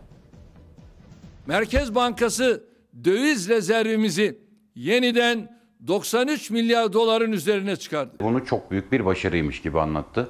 Aslında gerçek hiç de öyle değil. 2013 yılında brüt rezervimiz 133 milyar dolardı. Cumhurbaşkanı Erdoğan'ın Merkez Bankası döviz rezervinde 93 milyar doların üzerine çıktık sözüne karşı CHP'nin ekonomiden sorumlu ismi Aykut Erdoğdu 2013 döviz rezervini hatırlattı. Erdoğan da 19 Nisan 2013 tarihinde yaptığı konuşmada 130 milyar dolar demişti. Bakın bugün ilk kez açıklıyorum. Merkez Bankamızın döviz rezervi dün itibariyle yine bir rekor kaydetti ve 130 milyar dolara ulaştı. 2020 yılına geldik. 40 milyar dolar brüt rezervimiz erimiş durumda. Hamdolsun şu anda döviz rezervimiz 120 milyar dolar. Cumhurbaşkanı 2018 yılında da 120 milyar dolar olarak açıklamıştı Merkez Bankası döviz rezervini. 2020 20 Haziran'ında yaptığı konuşmada 93 milyar dolara çıkardık dedi.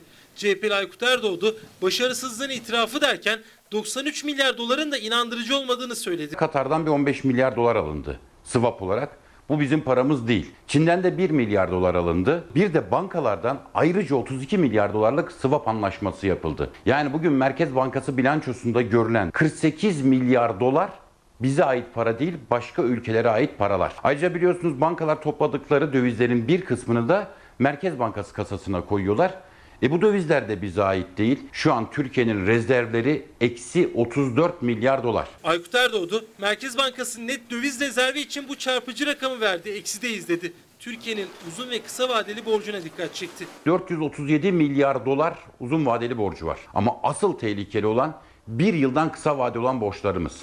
Yani bir yıl içerisinde bankalarımızın, kamunun yurt dışına ödemesi gereken borç 165 milyar dolar. Bu 165 milyar doların üzerine bir de cari açık gelecek. Türkiye'yi dünyanın en büyük 10 ekonomisi arasına sokma hedefimize hiç olmadığımız kadar yakınız. Şu an Türkiye ekonomisi şişiriliyor. Bu çelik bir düdüklü tencerenin sürekli kaynatıldığını düşünün. Patlama çok şiddetli olabilir. Ekonomide toparlanma sinyalleri oldukça güçlü geliyor. Çok büyük bir ivme bekliyoruz. Sağlıklı bir toparlanma yok, büyüme yok, şişme var. Yani şeker hastasına baklava yedirme var. Kalp hastasını sağlıklı göstermek amacıyla halı sahada maça çıkarmak var. Kobileri, şahısları kamuyu aşırı borçlandırmak demek yaşadığımız buhranın çok daha tehlikeli bir noktaya götürmek demektir. Cumhurbaşkanı iyimser bir tablo çiziyor ama ana muhalefete göre tablo gidişatın kötü olduğunu gösteriyor. Sırada kıdem tazminatı var. Başka televizyonlarda sizlere göstermiyorlar. Burada bugün Hürriyet'te Selvi, kıdem tazminatı Cumhurbaşkanı'ndaki toplantıya dair bir ipucu yazmış. Aziz Çelik Hoca kıdem tazminatının buharlaştırılmak istendiğini yazmış. Ben de dün Türk İş Başkanı ile konuştum. Detayları sizlere aktaracağım.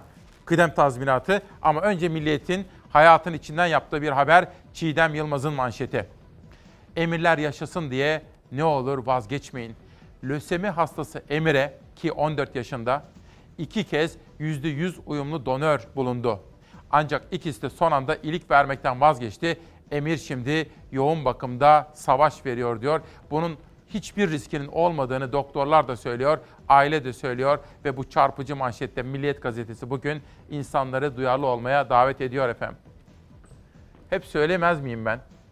Kıdem tazminatı benim, benim gibi emekçilerin alın teriyle çalışıp çalıştığı günlerde ileride olması muhtemel işsiz günlerinin birikimini yapanlar yani kıdem tazminatı. Bu bizim için asla vazgeçmeyeceğimiz anamızın ak sütü kadar helal hakkımızdır. kıdem tazminatının çalınmasına, engellenmesine susacak mıyız? Vaz mı geçeceğiz bu mücadeleden? Asla. Kapsayıcı ve sürdürülebilir bir modele ihtiyaç duyulduğu inancındayız. Önceki söylemlerinden çok farklıydı. Hak İş Başkanı Mahmut Arslan, kıdem tazminatı fonunun ayak seslerinin en çok duyulduğu günlerde fona yeşil olmasa da sarı ışık yaktı. Daha önce kıdem tazminatı düzenlemesine diğer sendikalar gibi net mesafe koyan Arslan, günlerdir süren sessizliğini Türk İş'ten genel grev kartı çekilince yazılı açıklamayla bozdu. Mevcut sistemin salgından sonra tartışılabileceğini söyledi. Kıdem tazminatı konusunun böyle hassas bir zamana sıkıştırılarak tartışılmasını uygun görmemekteyiz. Çalışma hayatının bu önemli sorununu sosyal taraflarla müzakere etmeye ve mutabakata açık olduğumuzu bir kez daha belirtmek isteriz. Var olan haklarımız korunacak. İşte 30 gün dahil Olmazsa biz buna as- asla evet demeyiz. hem işçimiz için hem işverenimiz için çok sağlıklı bir yöntem olduğunun anlaşılacağını düşünüyoruz. Hükümet tamamlayıcı emeklilik sistemi adı altında kıdem tazminatı fonu oluşturmak istiyor. Tepkiler üzerine meclis tatilinden önceki torba yasada yer almayacağı konuşulsa da Ekim ayında yeniden gündeme gelmesi bekleniyor düzenlemenin. Disk ve Türk İş tartışılmasına bile karşı mevcut sistemin. Çünkü çalışanın iş güvencesi ortadan kalkacak, tazminat ancak emekli olunca alınabilecek. Bu modelde diğerleri gibi hak kaybından başka bir şey getirmiyor. Düzenlemeleri zamanlama olarak uygun bulmadığımızı belirtmek isteriz. Biz sendikalar kıdem tazminatına hangi şekilde müdahale edilirse edilsin bunu genel grev nedeni sayacağımızı genel kurul kararlarımızda karara bağlamışız. Tüm sendikaların, emek örgütlerinin birlikte hareket edip kıdem tazminatına uzatılan elin geri çekilmesini sağlaması tarihi bir sorumluluktur. 666 bin üyeli Hak İş zamanlamaya dikkat çekerken 1 milyon üyeli Türk İş'e bağlı Tek Gıda İş ve Teskop sendikaları çok daha gür ses yükseltti. Özel sektörde sendikalılık oranı %12 iken kamuda %67. İşte bu yüzden hükümetin önce özel sektörü sisteme dahil edeceği belirtiliyor. Siyasi iktidar çalışanları mavi yaka, beyaz yaka ya da özel sektör, kamu sektörü gibi ayrım içerisinde bölerek amacına ulaşma çabası içerisinde. Ancak bu çaba, çabanın boşuna olduğunu söylemek istiyoruz. Biz kıdem tazminatını kazanılmış ve son kaleyi siyasi iktidarın manevralarına kurban etmeyeceğimizi bir kez daha söylemek istiyoruz. Son kale, kırmızı çizgi. Adı nasıl konulursa konulsun işçiler kıdem tazminatı sisteminin korunmasından yana. İş yerlerimizi terk ederek, üretimleri durdurarak alanlara çıkacağımızı ifade etmişiz. Yani genel göreve çıkacağımızı ifade etmişiz. Bunun şakası yok. Lütfen bizi sınamaya kalkmayın. Türk İş Başkanı bana anlattıklarını da Aziz Çelik'in yazdıklarını da bugün sizlere anlatacağım. Ama önce yurdumdan 22 Haziran'ın hava durumu.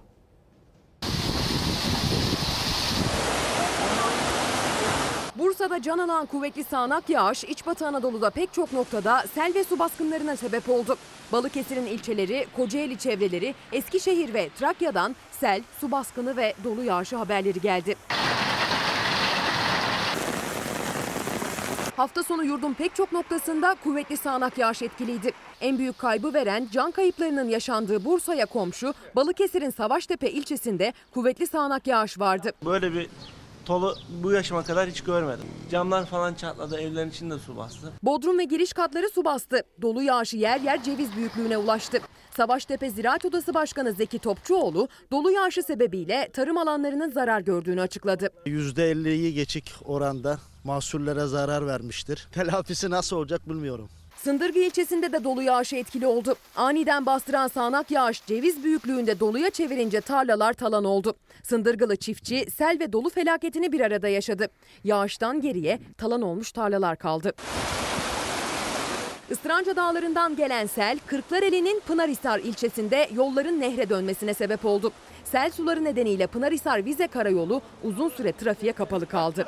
Dere geliyor dere bizim evin arka tarafında. Kocaeli'nin Gölcük ve Başiskele ilçelerinde taşkınlara neden oldu sağanak yağmur. Taşkınla kapanan yollar köylere ulaşımı zaman zaman durdurdu.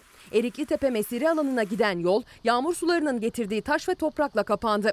Başiskele ilçesinde bazı ev ve iş yerlerinin zemin katları, alt geçitler su altında kaldı. Dilovası'ndaysa D100 karayolu trafiğe kapandı. Önceki gün yaşanan yoğun yağış sonrası suyla dolan yol nedeniyle ulaşım bir süre durdu.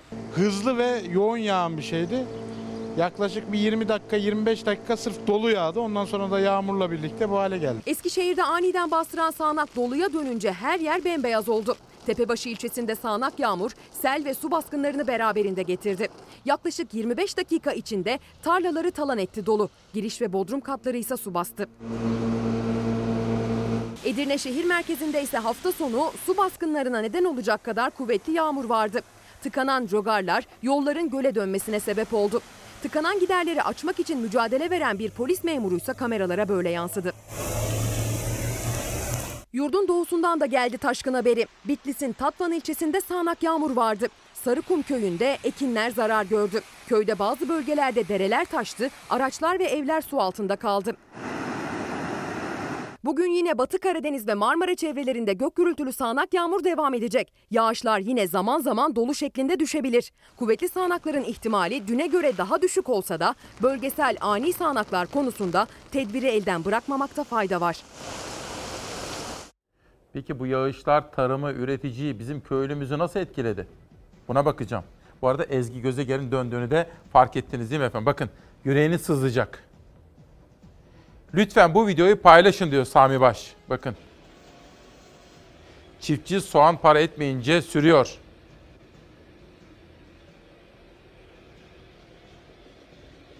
Biz her zaman üreticinin yanında olmamız gerekiyor efendim.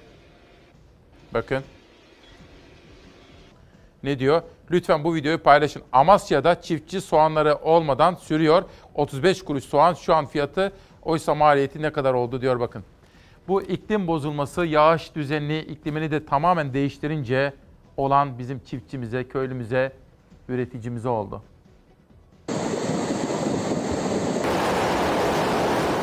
Zarar oldukça fazla. 40-50 dönüm yer gitti böyle. Bu yılın ilk 6 aylık döneminde 800 milyon liradan fazla bir zarar, bir hasar meydana geldi. Yağmur, sel oldu, dolu tarladaki ürünleri vurdu. Mevsim normallerinin dışında gelen kuvvetli yağış çiftçinin binbir zorlukla ürettiğini sildi süpürdü. Ani hava değişimi tarım ürünleri üzerinde çok daha etkili olmaya başladı. Son bir ayda Türkiye'de 50'den fazla ilde birçok tarım ürünü aşırı sıcak, aşırı soğuk, don, dolu, fırtına gibi birçok felaketten zarar gördü. Ani hava değişimleri mevsim dışı aşırı yağmur buğday hasadına son bir hafta kala Edirne'de binlerce dönüm buğday tarlası dolu nedeniyle hasar gördü. Bu buğday bir hafta sonra biçilecekti.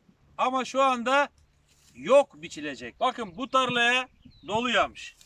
Yani çiftçimiz buradan 600-700 kilogram buğday alacaksa alacakken şu anda belki 50-60 kilogram biçecek. CHP Edirne Milletvekili Okan Gaytancıoğlu hasarı yerinde inceledi. Ancak tek zarar gören Edirne değil. Düzce'de de dereler taştı, heyelanlar meydana geldi. Yağmurun şiddeti bölgenin geçim kaynağı olan fındıkları dallarından döktü, mısırlar çamura gömüldü. Toprakta ekili dikili bütün ürünler zarar gördü. Pancar, fındık, mısır, fasulye, kabak hep bitti. Gübresi var, ilacı var, mısır tohumu var. Masraf çok ama işte bir umutla yapıyoruz. İşte Allah'tan bir afat gelip alıp gidiyor işte böyle. Zaten uzayan masraf listesine karşı bir de ürünü heba oldu çiftçinin. Karabük'te metrekareye 30 kilogram yağış düştü. Ürünler su altında kaldı. Köylüler ellerinde küreklerle suyun bahçelerine girmesini engellemeye çalıştı. Tarım yazarı Ali Ekber Yıldırım'a göre tarlada yaşanan tarlada kalmayacak. Çiftçinin yaşadığı tüm zorluklar tüketiciye zam olarak yansıyacak. Üretici açısından gerçekten e, felaketlerin yoğun olduğu bir dönemi yaşadık.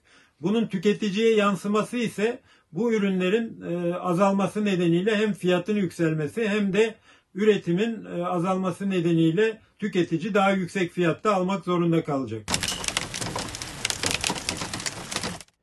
Üreticinin de işçinin de yanındayız. Türk İş Başkanı'nı aradım dün. Sakarya'daydı, konuştuk. Dedi ki İsmail Bey kardeşim dedi bana haksızlık yapıyorlar. Ben dedi çok detay verdi ama bu bölümü anlatma, bu bölümü anlatma, şu bölümü bil dedi. Bana haksızlık yapıyorlar. Ben yaklaşık 30 yıldır bu konuda görüşümü hiç değiştirmedim.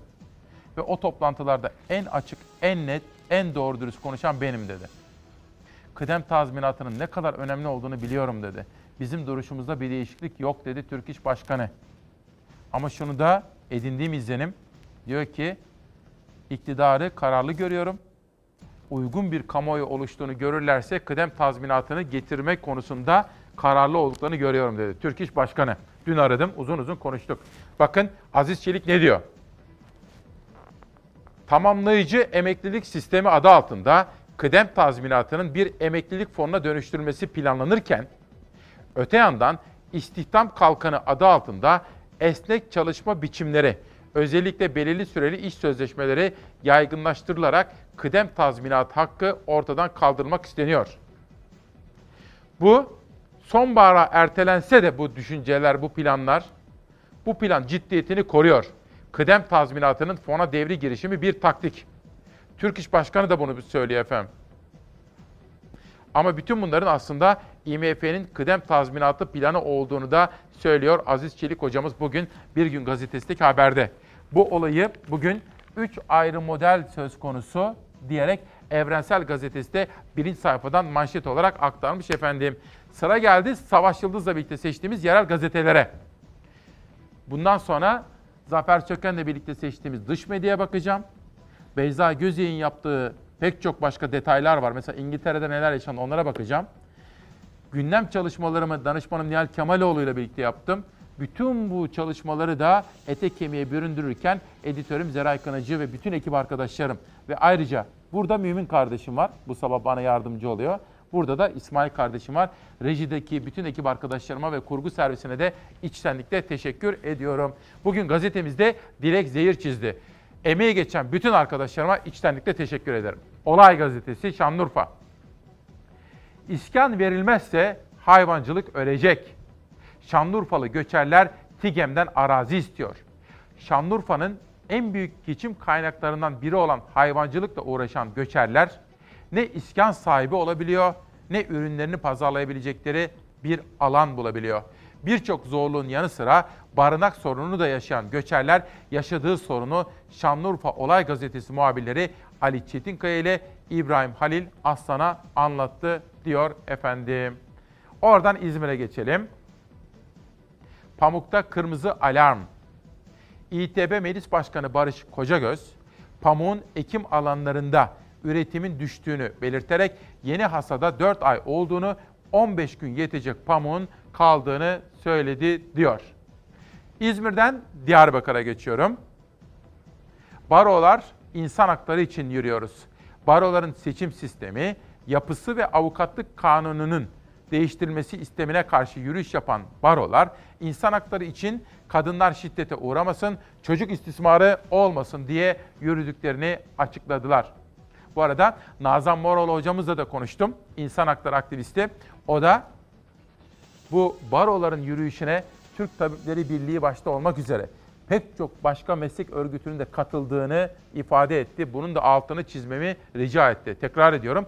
Nazan Moroğlu hocamdan da aldığım bilgiye göre baroların bu yürüyüşüne başta Türk Tabipleri Birliği olmak üzere pek çok meslek örgütü de destek veriyormuş efendim.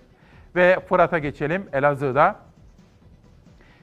Elazığ Milletvekili Gürsel Erol hem siyasileri hem de yöneticileri eleştirerek ilimizin sorunlarına eğildi diyor Fırat. Sadece poz değil fikir de verin diyor. Kübra Türkan'ın özel röportajı Elazığ Fırat'ta. Karadeniz'e geçiyorum doğudan. Esnaf perişan manşetini görüyorum.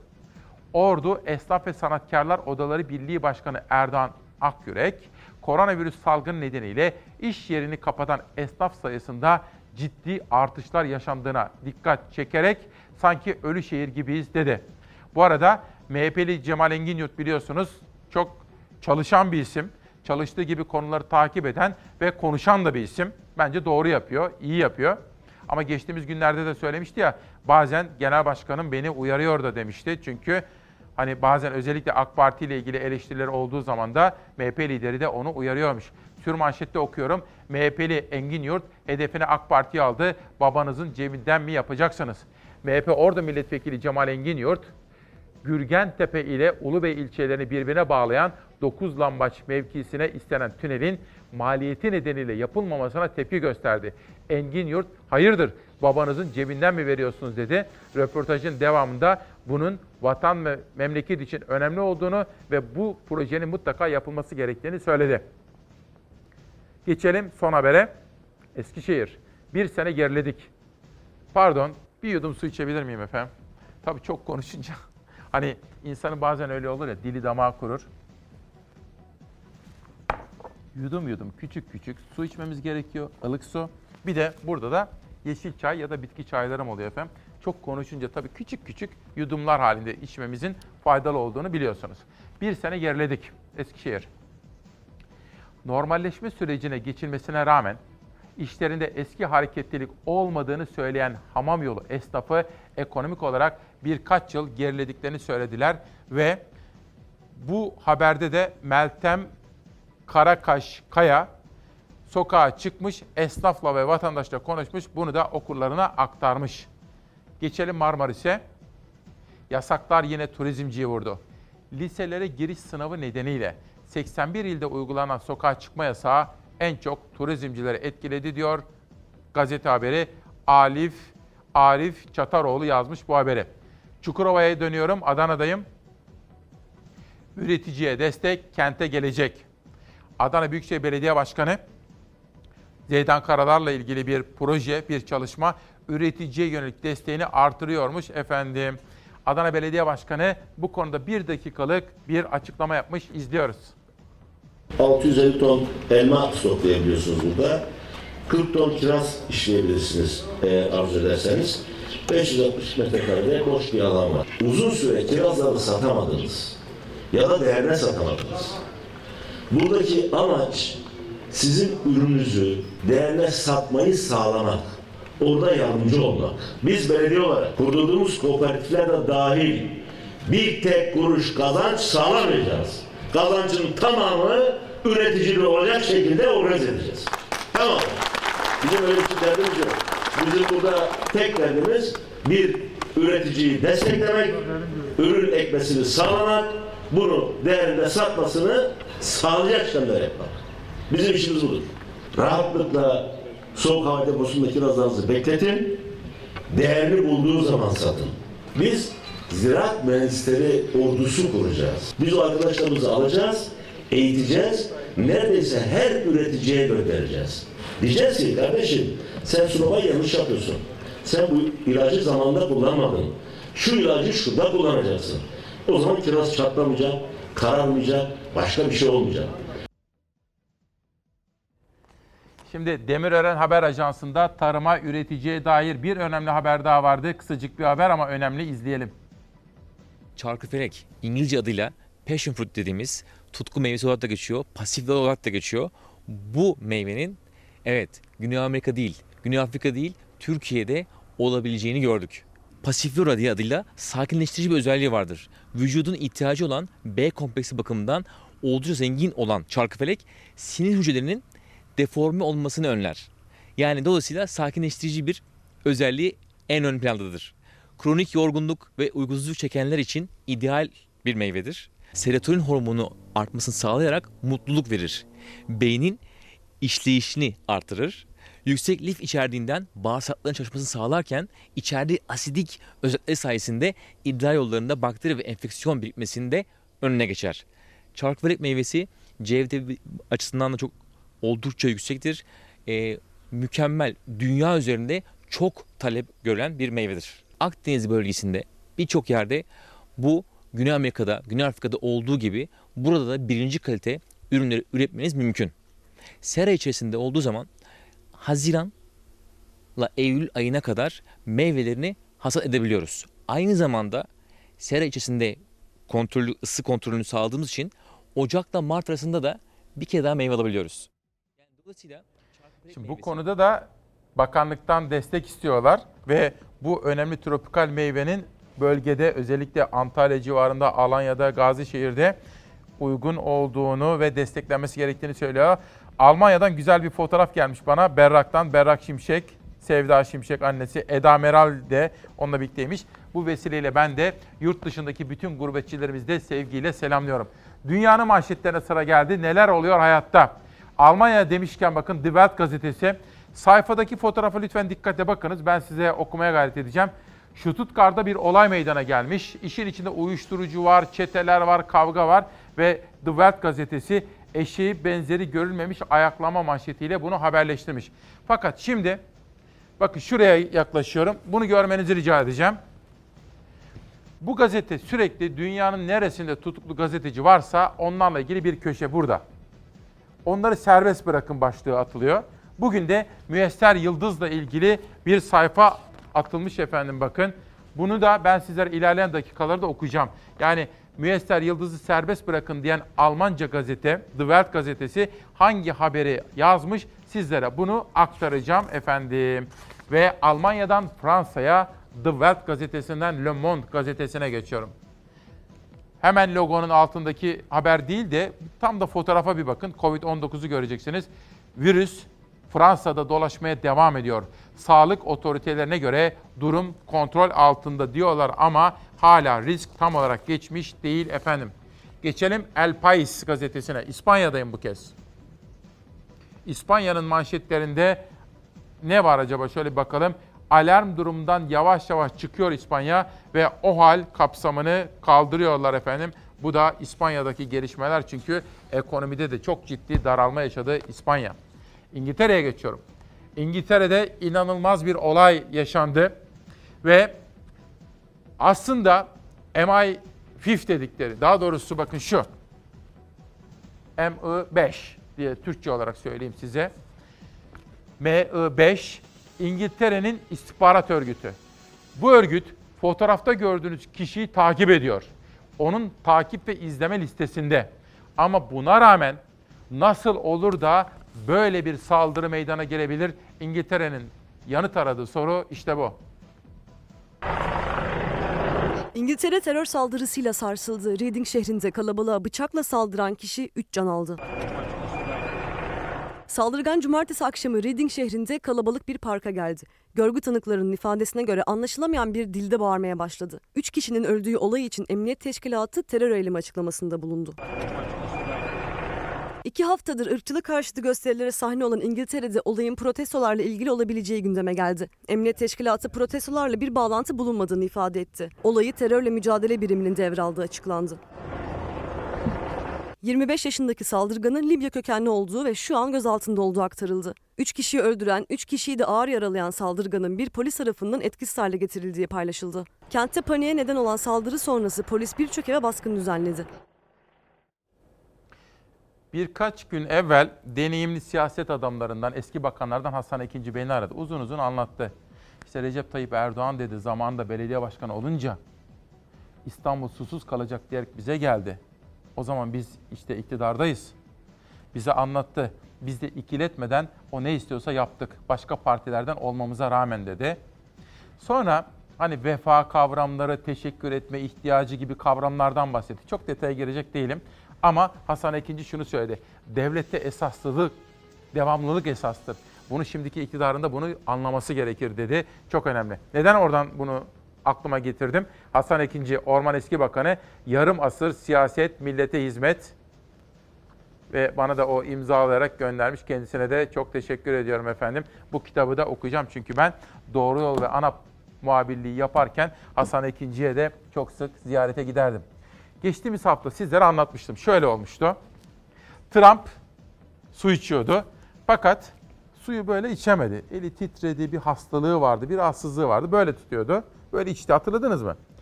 Bu tutum Amerika'daki yarışta kampanyaya dahil olunca Trump bu defa şöyle yaptı. Aldı bunu. Böyle göstere göstere adeta bak ben tek elimle su içebiliyorum diyerek su içti. Hatta sonra şöyle bir şey yaptı ama ben onu yapmayayım ayıp olur. Böyle suyu da fırlatıverdi. İzleyelim. Önce tek eliyle su içemedi, ardından rampadan aşağı inerken zorlandığı görüldü. Ordu Akademisi'nin mezuniyet törenine katılan Trump'ın bu görüntüleri hastalık söylentilerini de beraberinde getirdi. Amerika Başkanı düzenlediği mitingde su bardağıyla adeta şov yaptı.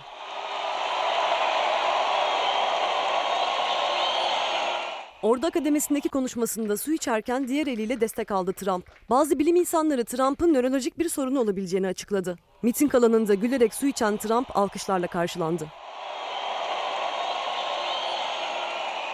Trump hakkında çıkan hastalık haberlerine su bardağını kaldırarak yanıt verdi. Aldığı her yudumdan sonra kafasını salladı ve gülümsedi. Destekçilerinin alkışları eşliğinde bardakta kalan suyu da hızla döktü. Trump suyu destek alarak içtiği görüntüleri de kravatıma dökmek istemedim diyerek açıkladı.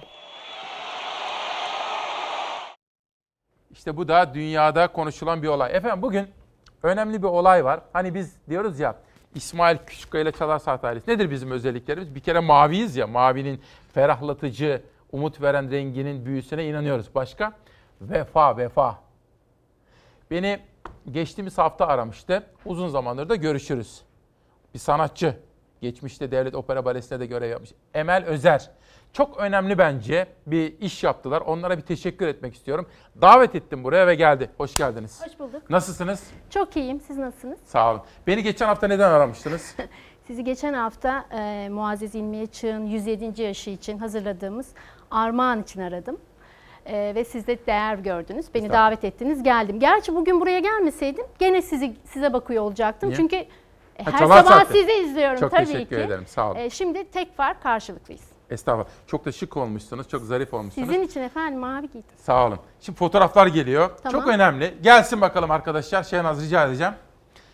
Şimdi fotoğrafta gördüğümüz Muazzez İlmiye Çığ. Evet. Bir video var arkadaşlar. Onu hazırlayabiliyor muyuz? Hemen verebiliyor muyuz? Evet. izleyelim bakalım. Babası ilim öğrensin diye adını ilmiye koymuş. Bir de istemiş ki kızı Fransızca öğrensin ve keman çalsın. Annesi şapka yapıp satmış. Ona keman almışlar. Herkes uyurken sabah beşte kalkar keman çalışırmış. Gün gelmiş keman öğretmeni bulunamamış kıza. O da bırakmış çalmayı. Ama yaşam ona uzun bir ömür biçmiş. Büyümüş küçük kız. Cumhuriyetin ışığıyla parlamış. Binlerce yıl önce çivi yazısıyla yazılmış kil tabletleri okumayı öğrenmiş. Bu yüzden Sümerlerin son kraliçesi demişler Muazzez İlmiye Çığa. Günlerden bir gün bir şairin Akgünekova'nın aklından bu kraliçeye bir doğum günü armağanı vermek geçmiş. Keman sanatçılarına çağrı yapmış şair. 107 kemancı gönül indirmiş. 107. doğum gününde iyi ki doğdunuz demek için Muazzez İlmiye Çığa. Ve hepsi aynı ezgiyi çalmışlar. Küçük kızın yüreğindeki o keman yine sevinsin diye.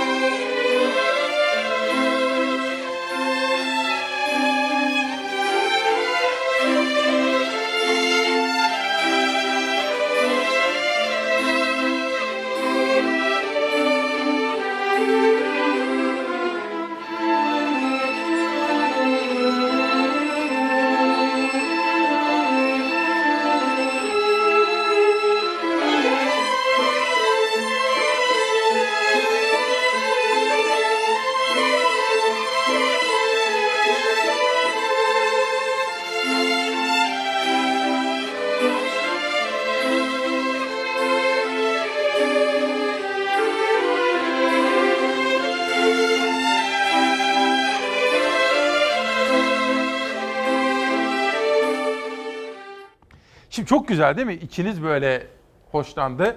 Çünkü efendim bakın o bir cumhuriyet kadını. Nasıl söyleyeyim size böyle sizin gibi böyle pek çok fedakarlıklar yapmış ve bu devlete, bu ülkeye, bu ülkenin kurucusuna Mustafa Kemal Atatürk'e saygıları olan birisi. Sedef Kabaş'ın da bir röportajı vardı. Pek çok röportaj yaptı ama Sedef Hanım'ı da buradan sevgiyle selamlıyorum. Bana şimdi 20'sini anlatır mısınız? 20'sinde doğum gününde 106 yaşına bitirdi, 107 yaşına girdi. Allah daha uzun, sağlıklı ömürler Amin, versin. amin. Onu bir anlatır mısınız? Ne oldu? Şimdi öncelikle e, selamını iletmem lazım. Sizi bekliyor. Davet sözüm etmiş. var, sözüm. Evet, sözünüz Bir kere var. fırça yedim.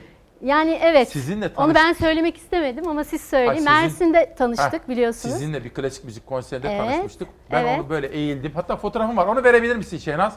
Şimdi orada ben böyle elini öptüm, sarıldı, seni seviyorum, şudur budur. Ondan sonra dedi ki, ondan sonra bir daha karşılaştım. Fırça attı bana. Dedi ki, bana sözüm vardı. Mersin'e gelecektin dedi.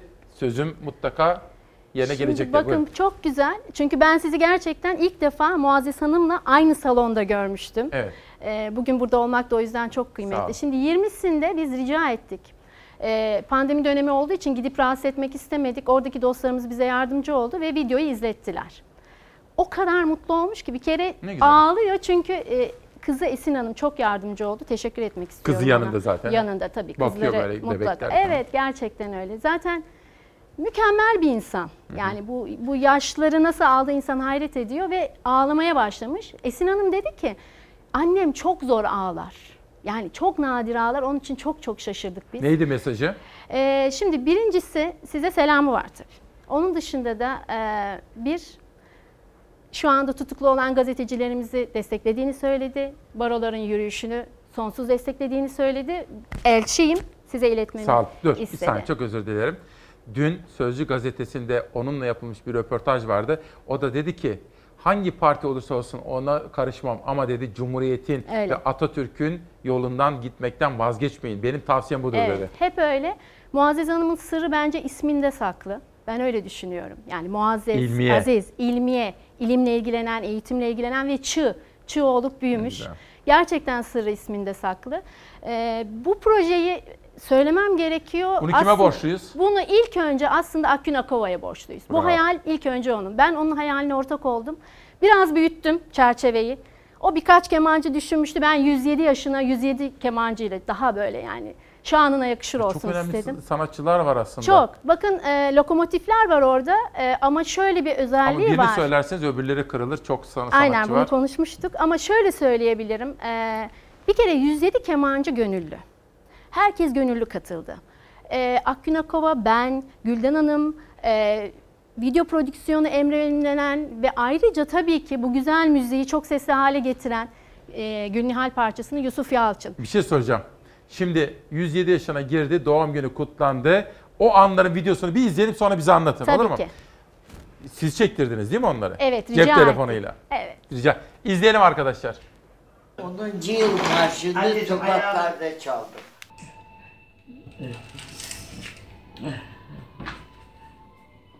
Na na na na na na na na na na na na na na na na Ellerinize sağlık hepinize.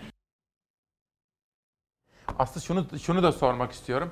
Yani uzun ve güzel, sağlıklı yaşamak, zihin sağlığımızı nasıl koruyacağız? Bu arada şunu da söyleyeyim bu vesileyle. Efendim sizlere Alzheimer Dernek Başkanı Işın Hanım'dan, Işın Baran'dan bahsetmiştim ya. Davet ettim. O da gelecek. İlk fırsatta burada olacak efendim. Onu da size sözünü vereyim. Son olarak ne söylemek isteriz? Neler anlatmak isteriz? Neler oldu? Ee, şimdi o gün daha sonrasında da Mersin Belediyesi, Büyükşehir Belediyesi çok hoş bir sürpriz yapmış. Bakın bu fotoğraflar onlardan. Biz birbirimizden habersiz bir ekip gibi çalışmışız. Bravo, Sabah incelik. tam evet tam 10.07'de bizim videomuzu izledi. 107 yaşa öykünerek. Daha sonra belediyenin Kültür Sanat Daire Başkanı Bengi Hanım çok güzel bir sürpriz yapmış. Dolayısıyla böyle bütün gün çok yoğun bir gün yaşadı. Dün konuştuğumuzda yorgun ama çok çok mutluydu. Ne güzel. Gerçekten çok mutluydu. Benim söylemek istediğim şey şu. 107 keman ilk defa Türkiye'de böyle bir araya geldi. Ben buna vesile oldum. Ben sadece bir aracıyım. Ee, ama iyi ki de yaptık dediğimiz bir şey. Arkadaşlarım çok mutlu. Herkes o kadar mutlu ki. Ee, bu arada sadece Türkiye'den değil Avrupa'da yaşayan kemancı dostlarımız katıldı. Amerika'da yaşayanlar Bravo, Bizim adımıza da bir birlik oldu. Sağ olun. Emel Ben teşekkür ederim. çok teşekkür ediyorum. Sağ olun. olun, var olun, eksik olmayın. Şimdi efendim bir de turizm haberi var. Şimdi siz o haberi izlerken çünkü önemsiyorum. Turizm Bakanı'yla 15 gün kadar önce de bir konuşmuştuk ve açılması gerekiyor ama kontrollü her türlü tedbir alınarak açılması gerekiyor. Turizm Bakanı hafta sonunda kimleri kimleri ağırladı ve orada hatta 7 tenörün de konseri vardı. Haberi bir izleyelim. Siz haberi izlerken ben konuğumu sosyal mesafe kurallarına uyarak uğurlayacağım. Dönüşte başka sürprizlerim var size. Koronavirüs ikinci dalgası ekovirüs şeklinde geliyor. O yüzden kendilerince her ülke bazı önlemler almak istiyor. Avrupa ülkeleri de e, sonuçta paranın kendi Avrupa sınırları içinde kalması için bir önlem almış olabilir. Türkiye turizmin yeniden canlanması için adımlar atarken Almanya Türkiye'yi riskli bölgeler arasına aldı. Seyahat kısıtlaması getirdi. Diğer Avrupa Birliği ülkelerinin de buna uymasını Turizm Bakanı Mehmet Nuri Ersoy paranın AB içinde kalmasını istiyorlar diyerek yorumladı. Türkiye bu kararından vazgeçirmek için Almanya'ya çıkarma yapmaya hazırlanıyor. Dışişleri Bakanımızın Almanya ziyareti planlıyoruz. Orada da bizzat hem Sağlık Bakanlığımızla üst düzey yetkilileri de götürüp rakamlarımızı paylaşacağız. Avrupa ülkelerinin halkları özellikle Türkiye'deki tatili çok özlediler. Bize gelen taleplerden çok net belli oluyor. Bir şekilde birkaç hafta içinde trafiklerin bütün ülkelerle başlayacağını düşünüyorum.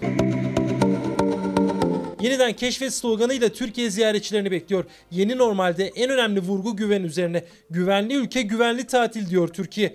Turizm Bakanı Mehmet Nuri Ersoy da iki gün boyunca turizmin kalbi Antalya'da büyükelçileri ağırladı. Nasıl tatil yapılacak? Türkiye'de tatil neden güvenli tek tek anlattı. Ne her şey dahil kalktı ne açık büfe kalktı. Sadece açık büfenin sunum şekli değişti. Büfe aynı zenginliğiyle duruyor, aynı yoğunluğuyla da duruyor. Eskiden siz kendiniz alıyordunuz, şimdi bir cama kenarın artısı duruyor. Siz işaret ediyorsunuz, ahçı siz istediğiniz kadar tabağınıza koyuyor. Tek değişen bu. Vallahi bu daha doğru bir sistem. Bu sistem keşke hep devam etse. Salgın tehdidi altında güvenli tatil için her önlem düşünüldü. Ülkeye ilk giriş anından ayrılana kadar her adımda hijyen ön planda. Yeni önlemleri şimdilik ilk deneyimleyenler yerli tatilciler. Tüm çaba yabancı tatilcileri de bir an önce Türkiye'ye getirmek. Önemli olan bir şekilde hareketi tekrar başlatabilmek, personelin bir kısmını tekrar istihdam altına alabilmek. İnşallah çok daha fazla e, turist e, ülkemize gelir. Görünen köyde kılavuz istemiyor. Sonuç olarak bu seneki hani ille bir başarı ölçütü yapacaksak, mevcut otellerimizin yarısını hayata geçirebilirsek, tekrar restart yapabilirlerse turizm adına başarılı bir sonuç elde etmiş oluruz.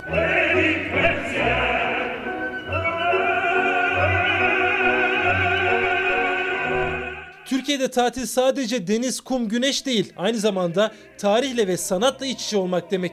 Türkiye'ye en çok turistin geldiği 50 ülkenin büyükelçisi bu deneyimi bir kez daha yaşadı. Aspendos Antik Tiyatrosu'nda 7 tenörün konseri büyükelçileri büyüledi.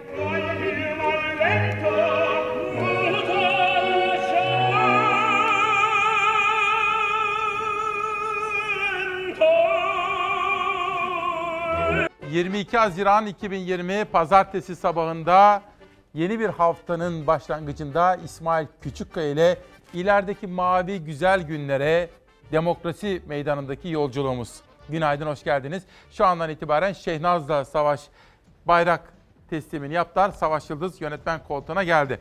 Efendim şimdi bugün tabii bambaşka bir duygu vermek istiyordum sizlere ama sabah hem bir şehit haberi sunmak zorunda kaldım. Osmaniye'mize başsağlığı diledim, vatanımıza başsağlığı diledim. Şehidimize rahmet olsun dedim. Sabah saatlerinde 3 yurttaşımız Bursa'da Kestel'de hayatını yitirmişti. Yoğun yağış sağanak. Sonra 4'e yükseldi, 5'e yükseldi. Maalesef editörüm Zelay Kanacı diyor ki maalesef ölü sayısı 6'ya çıktı.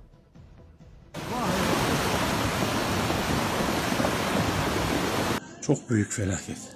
Traktörler, tankerler, binalar, bütün e, köyün alt katları komple su. Babamı çekti aşağı doğru götürdü içeride engelli kız kaldı. Engelli.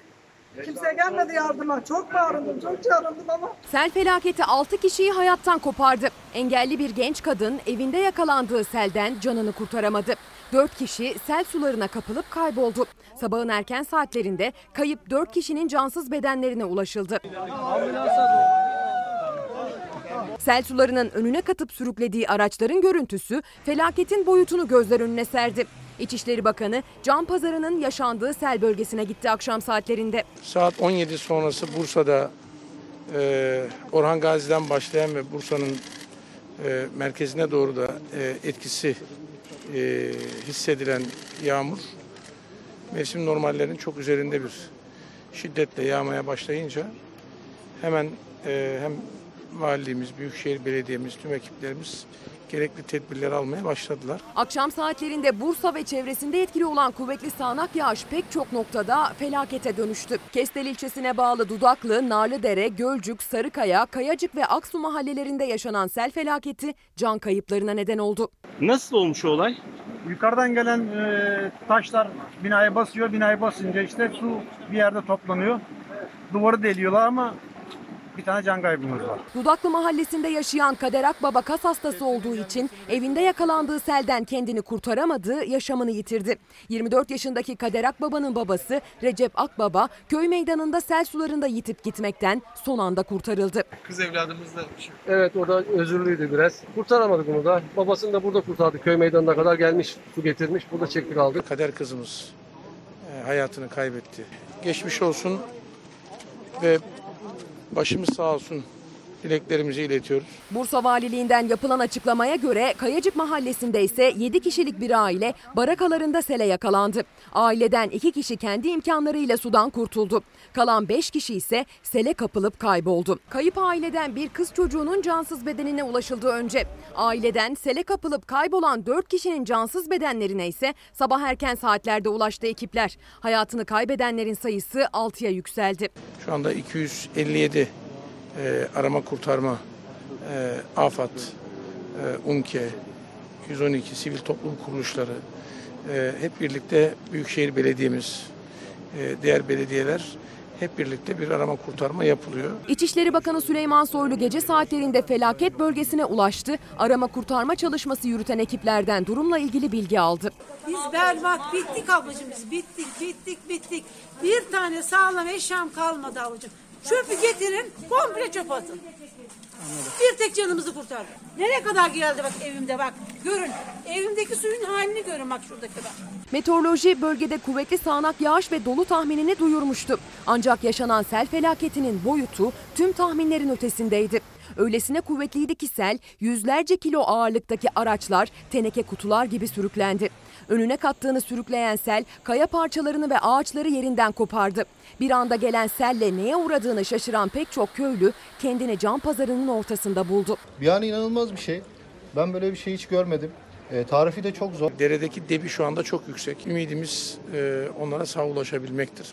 Kestel'de hem Orhan Gazi'de e, ciddi bir e, yağış aldı. Orhan Gazi ilçesinde ise Yeni Sölöz ve Bakırköy mahallelerinde sel nedeniyle hasar yaşandı.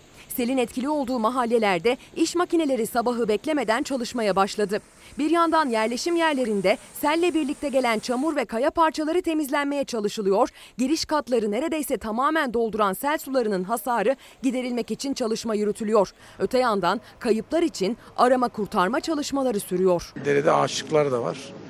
O da bizim arama kurtarma çalışmalarında istediğimiz e, sonucu almamızı inşallah etkilemez. Sabahın erken saatlerinde bölgeden gelen görüntülerde sel felaketinin boyutu gözler önüne serildi. Gün ışığıyla selle talan olmuş yerleşim yerlerindeki hasar daha net görüldü. Bu konuyu takip ediyoruz. Bu arada Kahramanmaraş Nurhak. Sizi Nurhak'a götüreceğim. Çünkü doğa dostu olmak, doğal hayatı korumak en başta gelen vazifelerimizden biri. Bu arada efendim bakın Türk tiyatrosunun unutulmaz ismi Enis Fosforoğlu. Vefalı bir aileyiz. Enis Fosforoğlu'ndan da bahsedeceğim sizlere biraz sonra. Sözcü gazetesindeki bir röportaj sonra Hürriyet gazetesindeki bir başka haberle haber yolculuğumuz devam edecek. Ama önce çevreyi korumamız bizim çocuklarımıza yönelik en büyük yükümlülüğümüz. İlçe ve köy halkı bir araya geldi yapılacak HES projesinden vazgeçilmesi için çağrıda bulundular. Burası Kahramanmaraş'ın Nurhak ilçesine bağlı Umutlu Köyü. Kahramanmaraş Cumhuriyet Halk Partisi İl Başkanı Esat Şengül buraya gelerek HES yapılmak istenen alanı tanıttı. Tarıma elverişli olmadığına dair çıkarılan raporun doğru olmadığını, tarımın da hayvancılığın da yapıldığını bölgeye göstererek anlattı. Burada bir HES yapılmak isteniyor. Burada bir HES yapımı demek 400 dönüm arazinin yok olacağı anlamına gelir. Yine 3 ilçemizin ortasındaki bu yerleşkeye toplamda 7 ilçemizden hayvancılar geliyor. Dolayısıyla bunlar bir HES yapımıyla birlikte tamamen yok olacak. Buraya tarıma elverişsiz e, raporu çıkarılmış. 1966 yılında şu kanalı kendi elleriyle yapmışlar. Sadece tarım ve hayvancılık değil, Umutlu köyündeki bu doğal güzelliğiyle büyüleyen alan tarihi açıdan da değerli. Doğa turizmine de göz kırpıyor. Bu bölge öyle bir bölge ki Bizanslardan kalma, Selçuklulardan kalma tarihi kalıntılar var. Bırakın burada tarım yapılmayı, burası bana göre e, doğa turizminin de, dağ turizminin de yapılabileceği mükemmel bir bölge. HES yapılmak isteniyor. Umutluköy muhtarı da bölgenin sit alanı olması gerektiğine vurgu yaptı. Yetkililere gelip bölgeyi ziyaret etmeleri için çağrıda bulundu. Burada çok büyük hayvancılık e, yapılıyor. Tarım arazileri var. E, sit alanı olması gereken yerler var. El emeğiyle yapılmış kanallarımız var. Endemik türlerimiz var. E, köye dönüş desteklemeleri var ama e, köye dönerken de tarım arazilerinin yok olması, suların yok olması biraz mantıksız geliyor. E, bu aşamada biz de burada HES'in yapılmasına karşıyız. Bir an önce bu durumdan vazgeçilmeliyiz. Hani bir de sırada Isparta Mermer Ocağı var. Hatırlıyor musunuz? Antalya'da Antalya'nın o güzelim koylarında, dağlarında, taşlarında mermer ocakları mantar gibi, pıtrak gibi takip ediyoruz demiştik. Sırada Isparta'dan bir haber var ama önce sevgili İsmail Bey dikkatle takip ediyoruz sizleri. Sizin sayenizde haberlerden haberdar oluyoruz.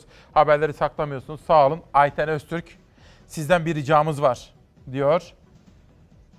Bilim Kurulu'nun da yapmış olduğu açıklama doğrultusunda COVID-19'un gıdalarda bulunmadığına ve gıdalardan bulaşmadığına dair açıklamalar yapılmıştı.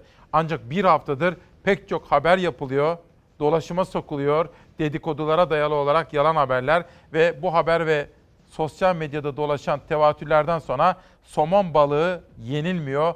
Bu konuya dikkat çeker misiniz diyor somon. Dünyanın en sağlıklı balığı değil midir diye soruyor Ayten Hanım. Ben de bu konuyu araştıracağıma söz veriyorum. Ben zaten somon balığını çok severim. Çünkü ta bizim pek çok hocalarımız onu söylemişlerdi. Sağlıklı gıda ve dengeli beslenme konusunda. Bir çevre haberi daha var. Kahramanmaraş'tan şimdi sizi Isparta'ya götürüyorum. Yine bir çevre haberi. Mermer Ocağı. Komutan bir an önce şu adamlar işlerini toplasın çıksın hemen. Çıksın diye hemen bir şey yok. yapsınlar işlerini. Bak çıksın diye bir şey yok. Niye? Adamların elinde kağıt var. Tamam mı? Devlet izin Bir- verdi. O zaman biz izin verdirmiyoruz burada. Devlet gelsin o İn zaman. aşağı, in aşağı. Gel. Mermer ocağı tartışması büyüdü. Firma yetkilileriyle köylü karşı karşıya gelince jandarma duruma müdahale etti. Köylüler ocağın kurulacağı bölgede oturma eylemi yaptı. Tamam 5 dakika çökün arkadaşlar. Otur rahat otur. Otur. Otur tamam. Topla arkadaş malzemen. Görüntülerin adresi Isparta'nın Aksu ilçesine bağlı Karaağ köyü. Özel bir firma köye yakın bir alanda mermer ocağı kurmak istiyor. Firmaya 2018 yılında Orman ve Su İşleri Bakanlığı'nca verildi maden ruhsatı. Köylü ise su kaynaklarının bitki örtüsünün zarar görmesinden endişe ediyor. Herkes olduğu yerde otursun. Oturun arkadaşlar. Oturun. İn amca.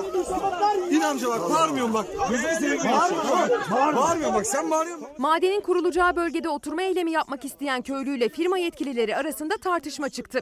Kavgaya dönen tartışmaya jandarma müdahale etti. Firma yetkilileri bölgeden uzaklaştırıldı. Tarım ve hayvancılıkla geçimini sağlayan köylü, kurulması planlanan mermer ocağının doğaya ve ekonomilerine zarar vermesinden endişe ediyor. Doğa katilleri. Doğayı, ülkemizi, cennet yurdumuzu korumamız gerekiyor. Emel Karaca, İsmail Bey günaydın. Merhabalar. Bu eğlence sektörü ne zaman açılacak acaba? Bu sektörden 5 milyon kişi ekmek yiyor. Devletimiz vergi topluyor. Bir bilginiz var mı? Korona sadece eğlence sektöründe mi geziyor? Bizim Tayfun arkadaşımız var Tayfun Topal. Geçtiğimiz hafta Çeşme Alaçatı'daydı. Fotoğraflar, videolar gönderdi bana. Ondan bir gün sonra da Hakan Tartan onu Aynur Tartan yollamıştı. O da yine böyle vur patlasın çal oynasın. Maske yok, mesafe yok vesaire. Bak Emel Karacı da haklı. Her yeri açtılar. Eğlence sektörü neden açılmadı diye bir soru soruyor. Haksızlık değil mi diye de ekliyor sorusuna Emel Karaca. Neler oluyor hayatta? Bugün bakalım 3. turda gazetelerde neler var. Şimdi okuyalım. Efendim Hande Zeyrek benim dikkatle takip ettiğim genç bir meslektaşım bana da ulaştı bir röportaj yapmak istedi ve bugün Sözcü gazetesinde de hem birinci sayfada hem de 12. sayfada böyle bir röportaj var. Röportajın konusu şu. Son zamanlarda işte bizim çok büyük meslek büyüklerimiz var biliyorsunuz. Yılmaz Özdil başta. Ondan sonra Saygı Öztürk yaşadı benzerini. Fatih Portakal yaşadı. İşte Müesser Yıldız cezaevinde, Barışlar cezaevinde. Soner Yalçın'ın yine böyle bir kampanya maruz kaldı Soner Yalçın. Ve Hande Zeyrek'in peşine düştüğü yanıt şuydu. Bütün bunlar tesadüf mü? Yani bu kamuoyunda tarafsız ve bağımsızlığı ile tanınan ve çok okunan, çok izlenen gazeteciler, yazarlar neden hedef tahtasında? Ya da Sözcü davası, Oda TV davası, Cumhuriyet davası, işte Fox'a yönelik cezalar vesaire, karalama ve linç kampanyaları neden olduğunu sordu. Ben burada neden olduğunu sizlere anlatmayayım ama röportajı sizlere özet olarak sunmuş olayım efendim. Buradan da hürriyete geçelim. Bir manşet gelsin. Büyülendiler. Antalya'da salgın önlemlerini inceleyen 50 Büyükelçi Aspendos'ta izledikleri 7 tanora hayran kaldılar. Umut Erdem de gitmiş yerinde incelemiş. Bizim muhabirlerimiz de gittiler biliyorsunuz erken saatlerde. Yok erken saatte değil. Tam böyle 9.40'da falan haberini sunmuştum. Şimdi de bizim çok etkilendiğimiz o video. Böyle bizden size çalar saatten kalpten kalbe böyle bir ferahlık, bir huzur, bir renk gelsin.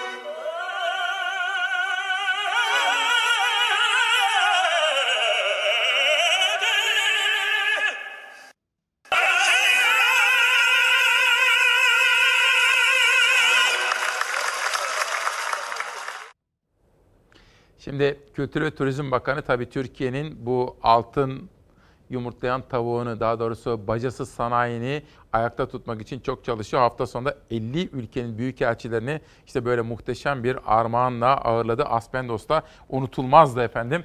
Ve aile felsefesi Burhan Ulucanlı ailede insan haklarını korumaya yönelik felsefi bir bakış. İnsan hakları. Nazan Moroğlu hocam hep bana öyle söylerdi insan hakları aktivisti kendisi. İnsan hakları diye bir kavram. Orta Doğu çıkmazında Türkiye derleyen Şenol Çarık, içinde Onur Öymen var, Şükrü Sina Gürel, Uluç Özülker, Erol Manisalı, Barış Doster, Bahadır Selim Dilek, Cenk Başlamış, Ayfer Yazkan Kubal, Hande Orhon Özdağ, Göksel Basmacı, Birol Güger, Onur Sinan Güzelaltan, Güzaltan, Canan Eygün ve Adnan Tedikoğlu var efendim ve kıdem tazminatı.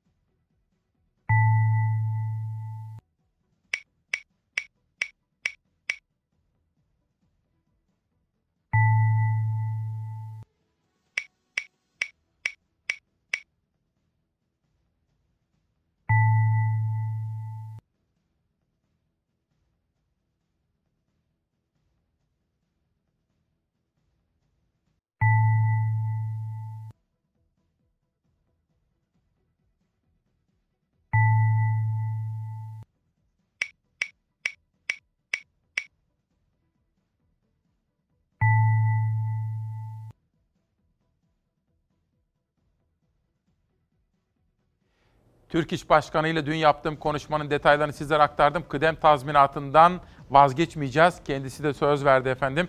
Ben de takip edeceğim. Hatta dedi ki bir Ankara'ya geldiğinde gel de sohbet edelim dedi.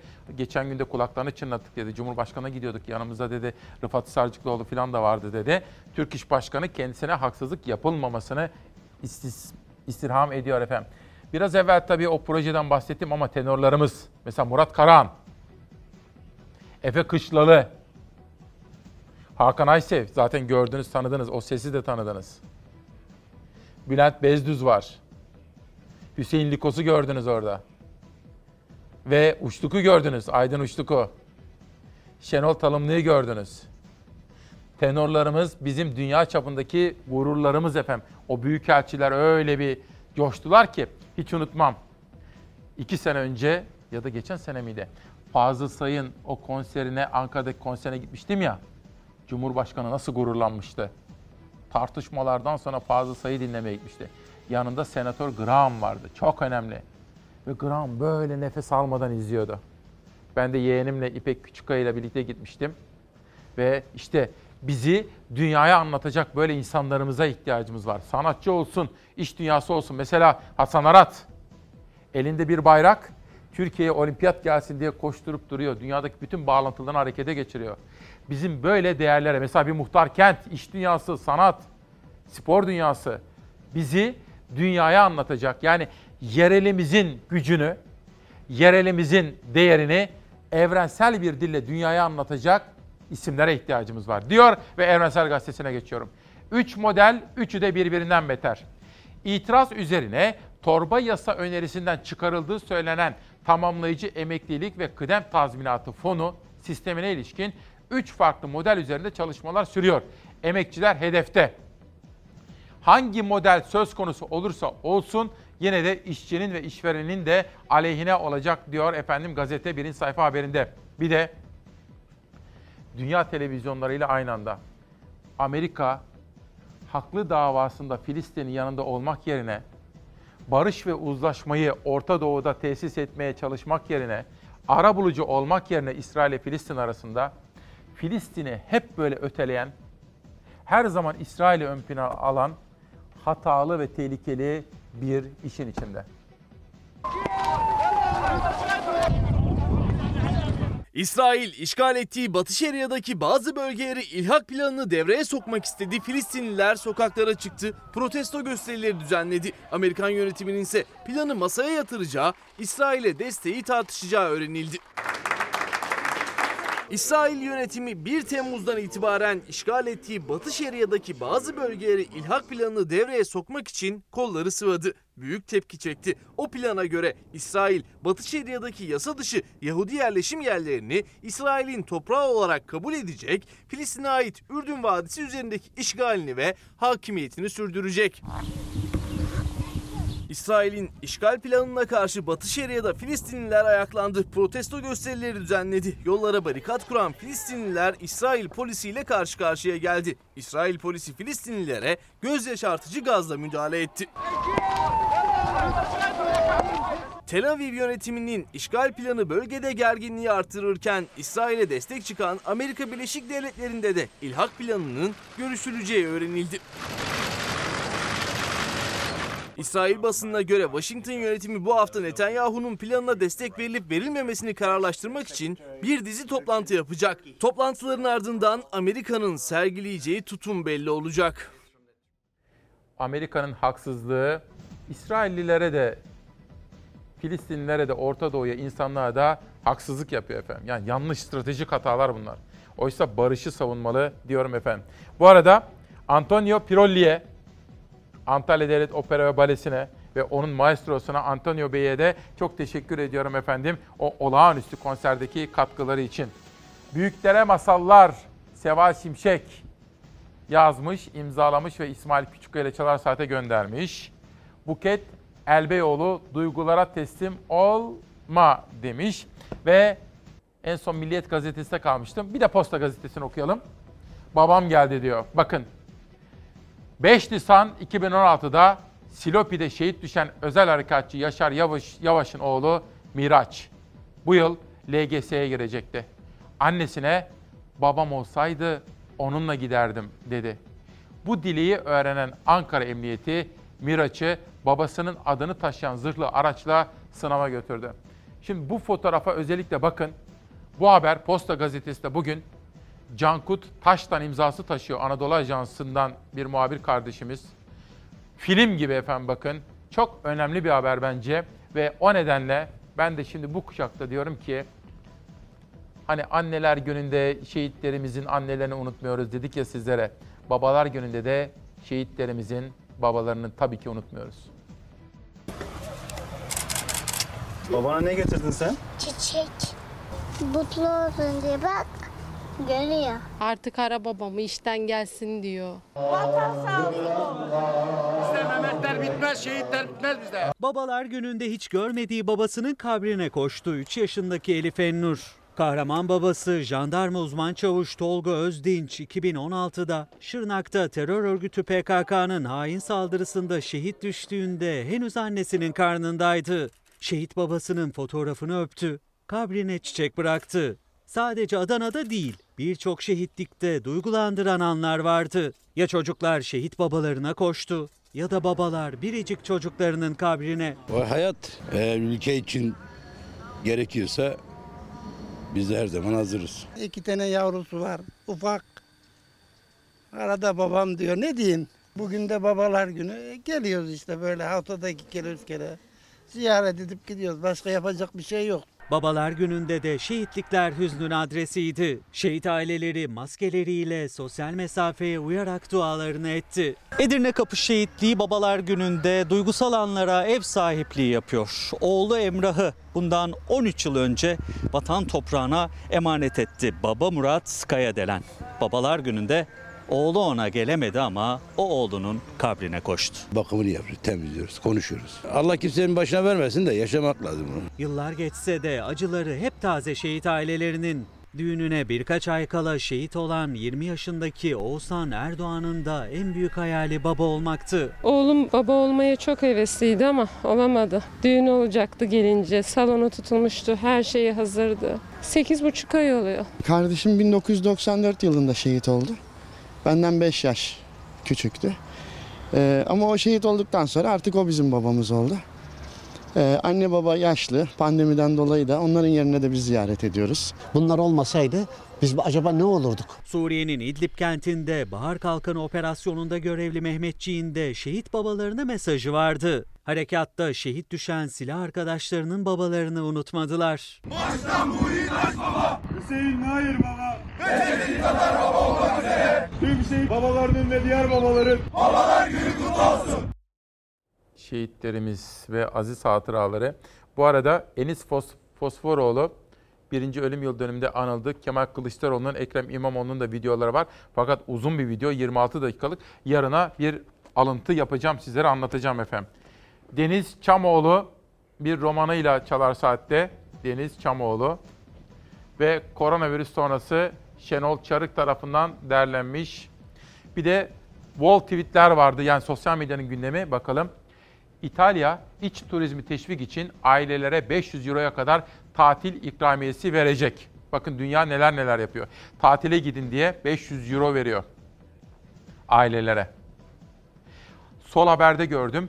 Avrupa Konseyi'ne bağlı Venedik Komisyonu Türkiye'nin 31 Mart 2019 tarihinden sonra belediyelere kayyum atamasının demokratik prensiplere aykırı olduğunu duyurdu. Süleyman Soylu uyuşturucunun belini kırdık dedi. Hafta sonunda yapmış olduğu bir açıklamada Emniyet Teşkilatı'nın ve narkotik birimlerinin uyuşturucuyla mücadelede elde ettikleri rakamları gözler önüne serdi İçişleri Bakanı Soylu. Kuzey ormanları deniz manzaralı orman yağmasına 21 bin başvuru. Antalya, Muğla, İzmir ve Mersin gibi kıyı illerindeki hazine ve orman arazileri için özel ağaçlandırma yağmasının öne açıldı. Özel ağaçlandırma maskesi altında 100 bin hektar alan orman dışı sayılacak ve ticari kullanıma açılacak. Bu konuya benim dikkatimi de danışmanım çekti Nihal Kemaloğlu. Sabah Ezgi ile de konuştuk. Ezgi Gözeger bu konuyu takip listesine aldı. İlk fırsatta sizlere detaylı olarak haberleri sunacağız. Hatta Zeray bunu bir gün Çalarsat gazetesi yapabiliriz.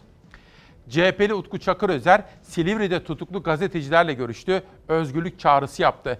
Barış Pehlivan birbirimizle konuşmayalım diye aramıza boş koğuş koydular. Avludan bile konuşmamızı engellediler dedi. Tıpkı Sezgin Tanrıkulu gibi, Barış Arkadaş gibi Utku Çakırözer de tutuklu gazeteciler konusunu gündeminden düşürmüyor. İyi yapıyor efendim, önemli. Çiğdem Toker, bunun videosu vardı aslında. Yarına videosunu verebilirim. Hapisteki gazeteci babalara onlar tüm çocuklar adil ve özgür bir ülkede yaşasın diye gerçekleri yazdı. Çiğdem'in bu paylaşımını yarın video olarak sizlere sunacağım, söz veriyorum. Peki. Efendim bir de günün sürprizi. Sizi Bodrum'a götüreyim mi efendim, Bodrum'a? Sertap Erener. Size belki de yeni bir siz lazım değil mi? Sertap Hanım günaydın. Günaydın, nasılsınız? İyiyiz. Şimdi siz tabii Bodrum'da şahane bir havadasınız. Siz nasılsınız?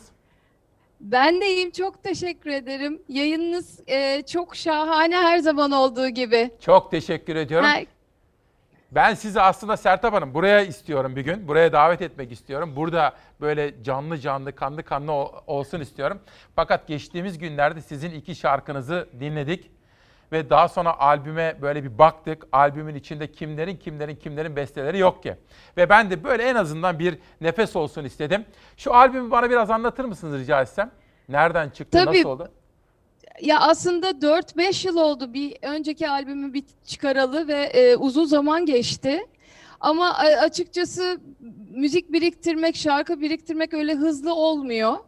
E, aradan bir 4 yıl geçti. Tam başladık stüdyolara girdik, pandemi patladı. E, patlayınca evde değil, stüdyoya gidemiyoruz. Arkadaşlarımızla tabii müzik yapıyoruz genel olarak stüdyoda. O da imkanlı olmayınca biz e, Emre ile e, ev yapımı bir albümü bitirdik. E, bir arkadaşımız daha vardı. Kendi evinden bizim yolladığımız müziği alıp bizle birlikte çalıştı. Üç kişilik şahane bir e, albüme imza attık aslında. Tabii besteciler ve söz yazarları da dahil değil bu ekibe. Şimdi ben neden önemsedim biliyor musunuz? Ee, tabii müzik sektörü çok sıkıntı yaşıyor biliyorum. Ben de onların hep yanında olmaya gayret ediyorum. Ve onların da dertlerini anlatmamız gerekiyor. Zira bu pandemi zamanında en fazla işleri etkilenen ve böyle bıçak gibi kesilen ve zor günler yaşayan müzik sektörü. Ama siz aynı zamanda bu pandemi zamanında bile boş durmamışsınız. Tabii riske de girdiniz aslında. O nedenle bu projeyi çok önemsedim Sertap Hanım.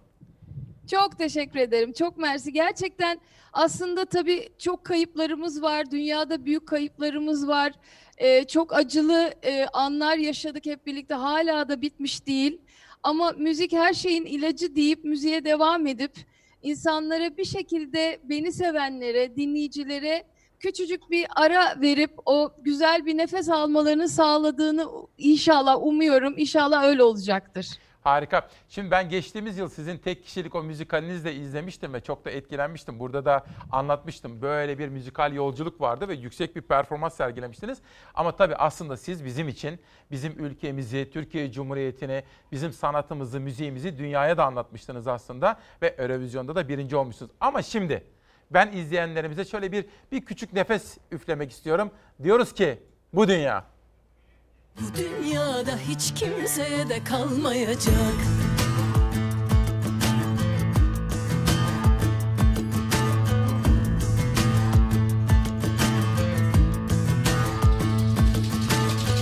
Ben birinin kızı, sen birinin oğlu Hepimiz dünya doğumlu.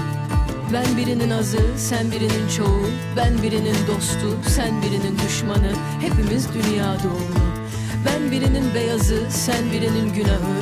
Ben birinin ölümü, sen birinin doğumu.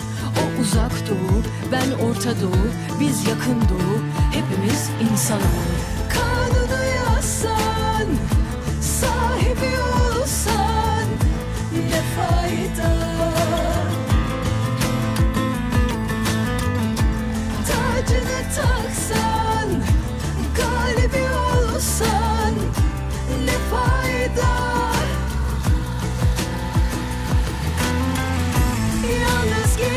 çırılçıplak Kalırsın bir avuç toprak. Önce insan olmaya Dünyada hiç kimse de kalmayacak. Yalnız gelir çırılçıplak Kalırsın bir avuç toprak. Önce insan olmaya Dünyada hiç kimse de kalmayacak.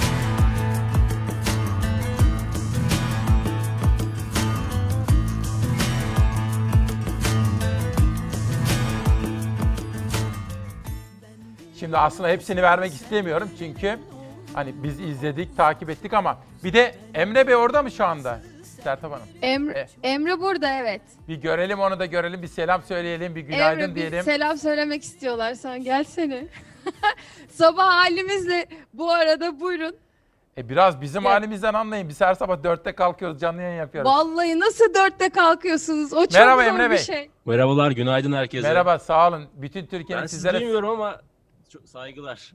Evet, tamam peki harika. Şimdi Sertab Hanım, Efendim. biz beraber sizden bir canlı canlı şöyle performans istesem çok şey istemiş olur muyum? Evet hazırlandık. Umarım her şey yolunda gider. Çünkü e, böyle yayın yapmak da nasıl çok zor ama şimdi e, dua ediyorum ki hiçbir şey e, zor gitmesin ve söylüyorum. Harika. Hazır mısınız? Harika, bekliyorum. Beste Emre Kula'nın sözleri benim, şarkının adı Ben Yaşarım. Ben yaşarım. Evet, geliyor.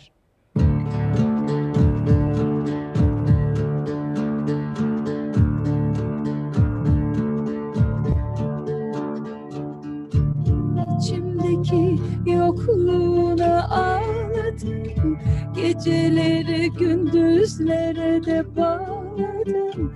Dudaklarıma ismini yasakladım.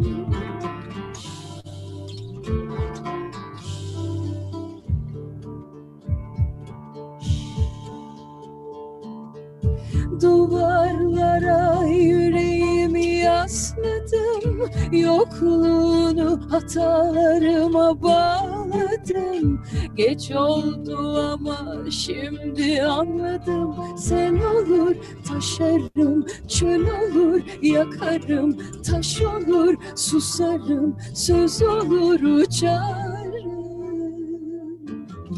Söyle hırçın özgür Hep cesur ve asi Şimdi sevmekten korkuyorsun?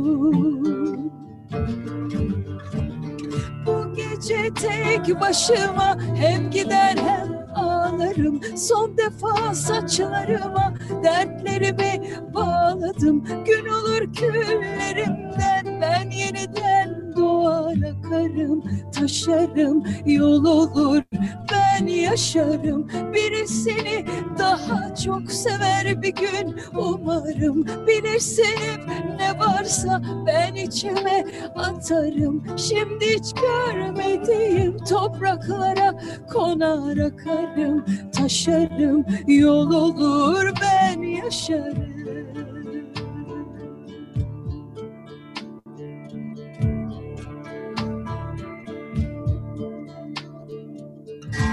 İçimdeki yokluğuna ağladım. Geceleri gündüzlere de bağladım. Dudaklarıma ismini yasakladım. Sen olur taşarım Çöl olur yakarım. Taş olur susarım Söz olur uçarım Söyle ah hırçın özgür Hep cesur ve asi ruhum. Şimdi mi sevmekten korkuyorsun?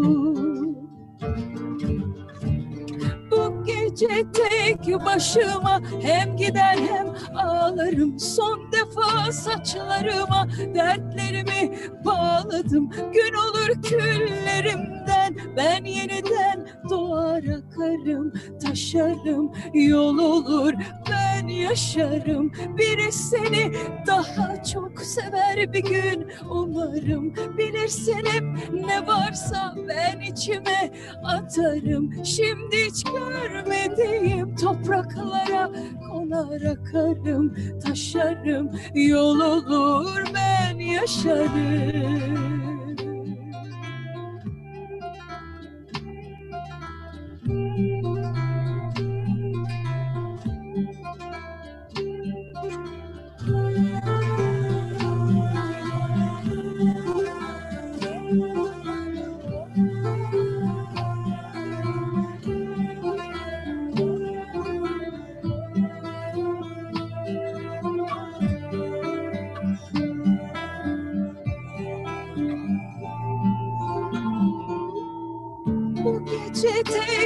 başıma Hem gider hem ağlarım. Son defa saçlarıma Dertlerimi bağladım. Gün olur küllerimden Ben yeniden doğar kalbim taşarım Yol olur ben yaşarım. Biri seni daha çok sever bir gün umarım. Bilirsin hep ne varsa ben içime atarım. Şimdi hiç görmediğim topraklara konar akarım Taşarım. Yol olur ben yaşarım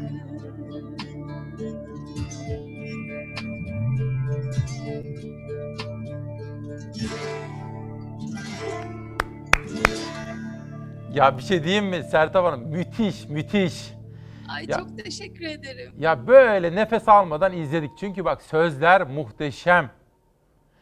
Teşekkür ederim. Bir de beste güzel ama ayrıca neye şaşırdım biliyor musunuz? Bakın ben burada daha önce bir sabah saatinde Fazıl Say geldi canlı yayında. Sonra bir gün Cengiz Özkan geldi. Sabah sanatçının şimdi sizin yaptığınız gibi yüksek bir performans sergilemesi çok çok zor bir şey. Bunu bildiğim için ben bunu şimdi üçüncü kere böyle yaşıyorum. Size ne kadar teşekkür etsem azdır. Son bir cümleniz varsa bütün Türkiye bizi izliyor. Ne söylemek istersiniz? Ne olur e, bu pandemiye hep birlikte konu oraya gelecek kusura bakmayın ne olur ama herkesin birbirine büyük sorumluluğu var. Tek bir kişi onlarca insanı hasta edebiliyor. Ne olur bu iş bitmedi. Sorumlu davranalım, maskemizi takalım, doğru takalım ve birbirimizi koruyalım. Yaşlılarımızı koruyalım. Onlar bizim canlarımız. Çok teşekkür ediyorum. İyi geldiniz bize. Sağ olun, var olun. Size müzik hayatınızda, sanat hayatınızda başarılar diliyorum. Emre Bey'e de çok selamlar. Çok teşekkürler bizi davet ettiğiniz için. Çok Onurdur çok teşekkür ederim. Sağ olun. İyi günler çok diliyorum. Sağ olun. Sağ olun. Efendim bir de bizim takip listemizdeki temel konulardan bir tanesi. Şunu hiç unutmadık. Türkiye bir deprem bölgesi ve gereken tedbirleri almak zorundayız. Ama benim evim 9 ay geçtikten sonra bugüne baktığımda gördüğüm şey şu. O gün söylenenlerin hiçbirisi yapılmamış vaziyette. İstanbul Silivri depreminin üzerinden tam 9 ay geçti. Ancak 5.8'lik o sarsıntı deprem gerçeğini zihinlerde tutmaya ancak birkaç hafta yetti. İstanbul Büyükşehir Belediyesi de unutulmasın, önlem alınsın diye Kandilli Rasathanesi ile birlikte rapor hazırladı. 39 ilçenin risk haritası çıkarıldı. Risk arttıkça semtler koyu kırmızı ile gösteriliyor. İşte Bağcılar, Bahçeli Evler.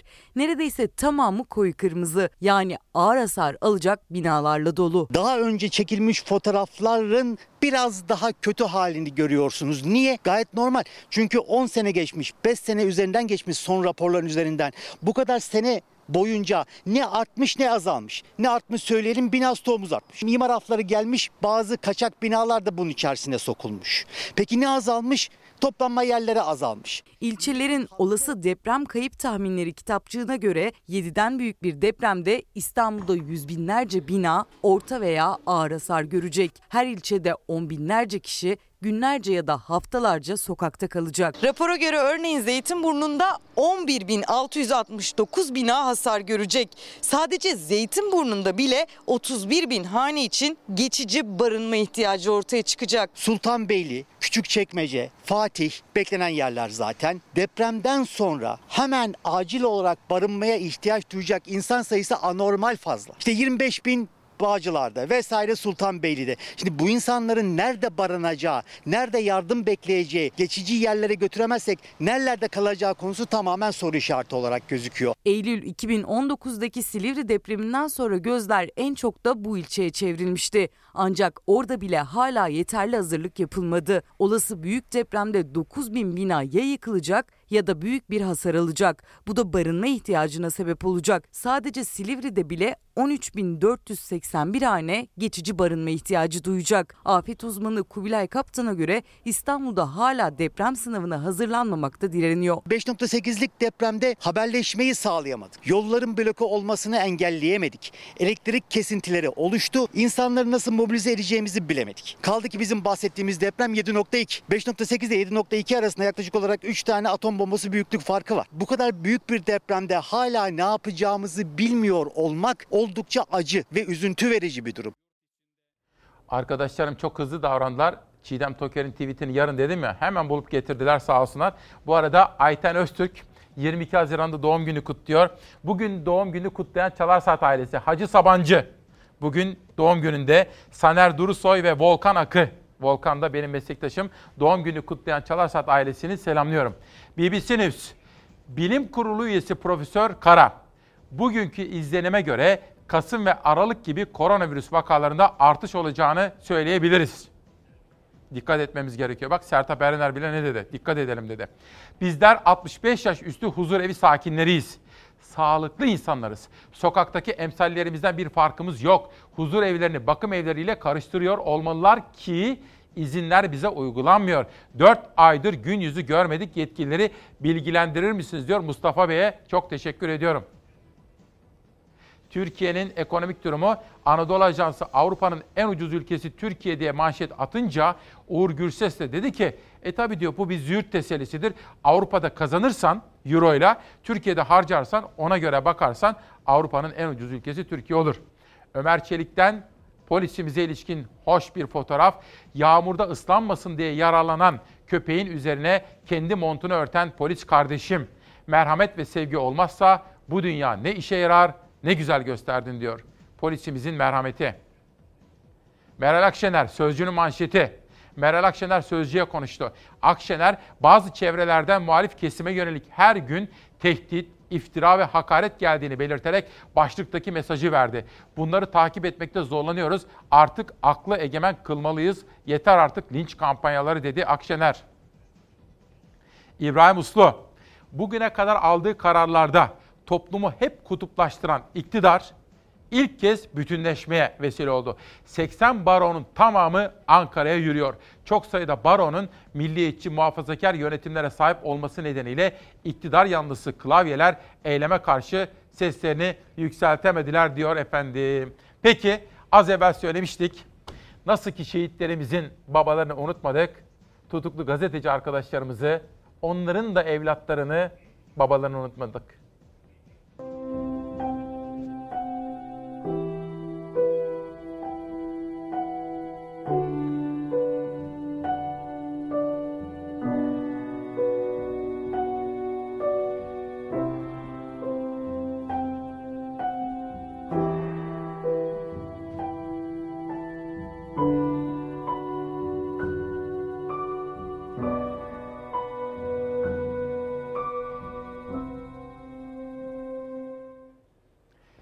Sabah neler oluyor hayatta dedik.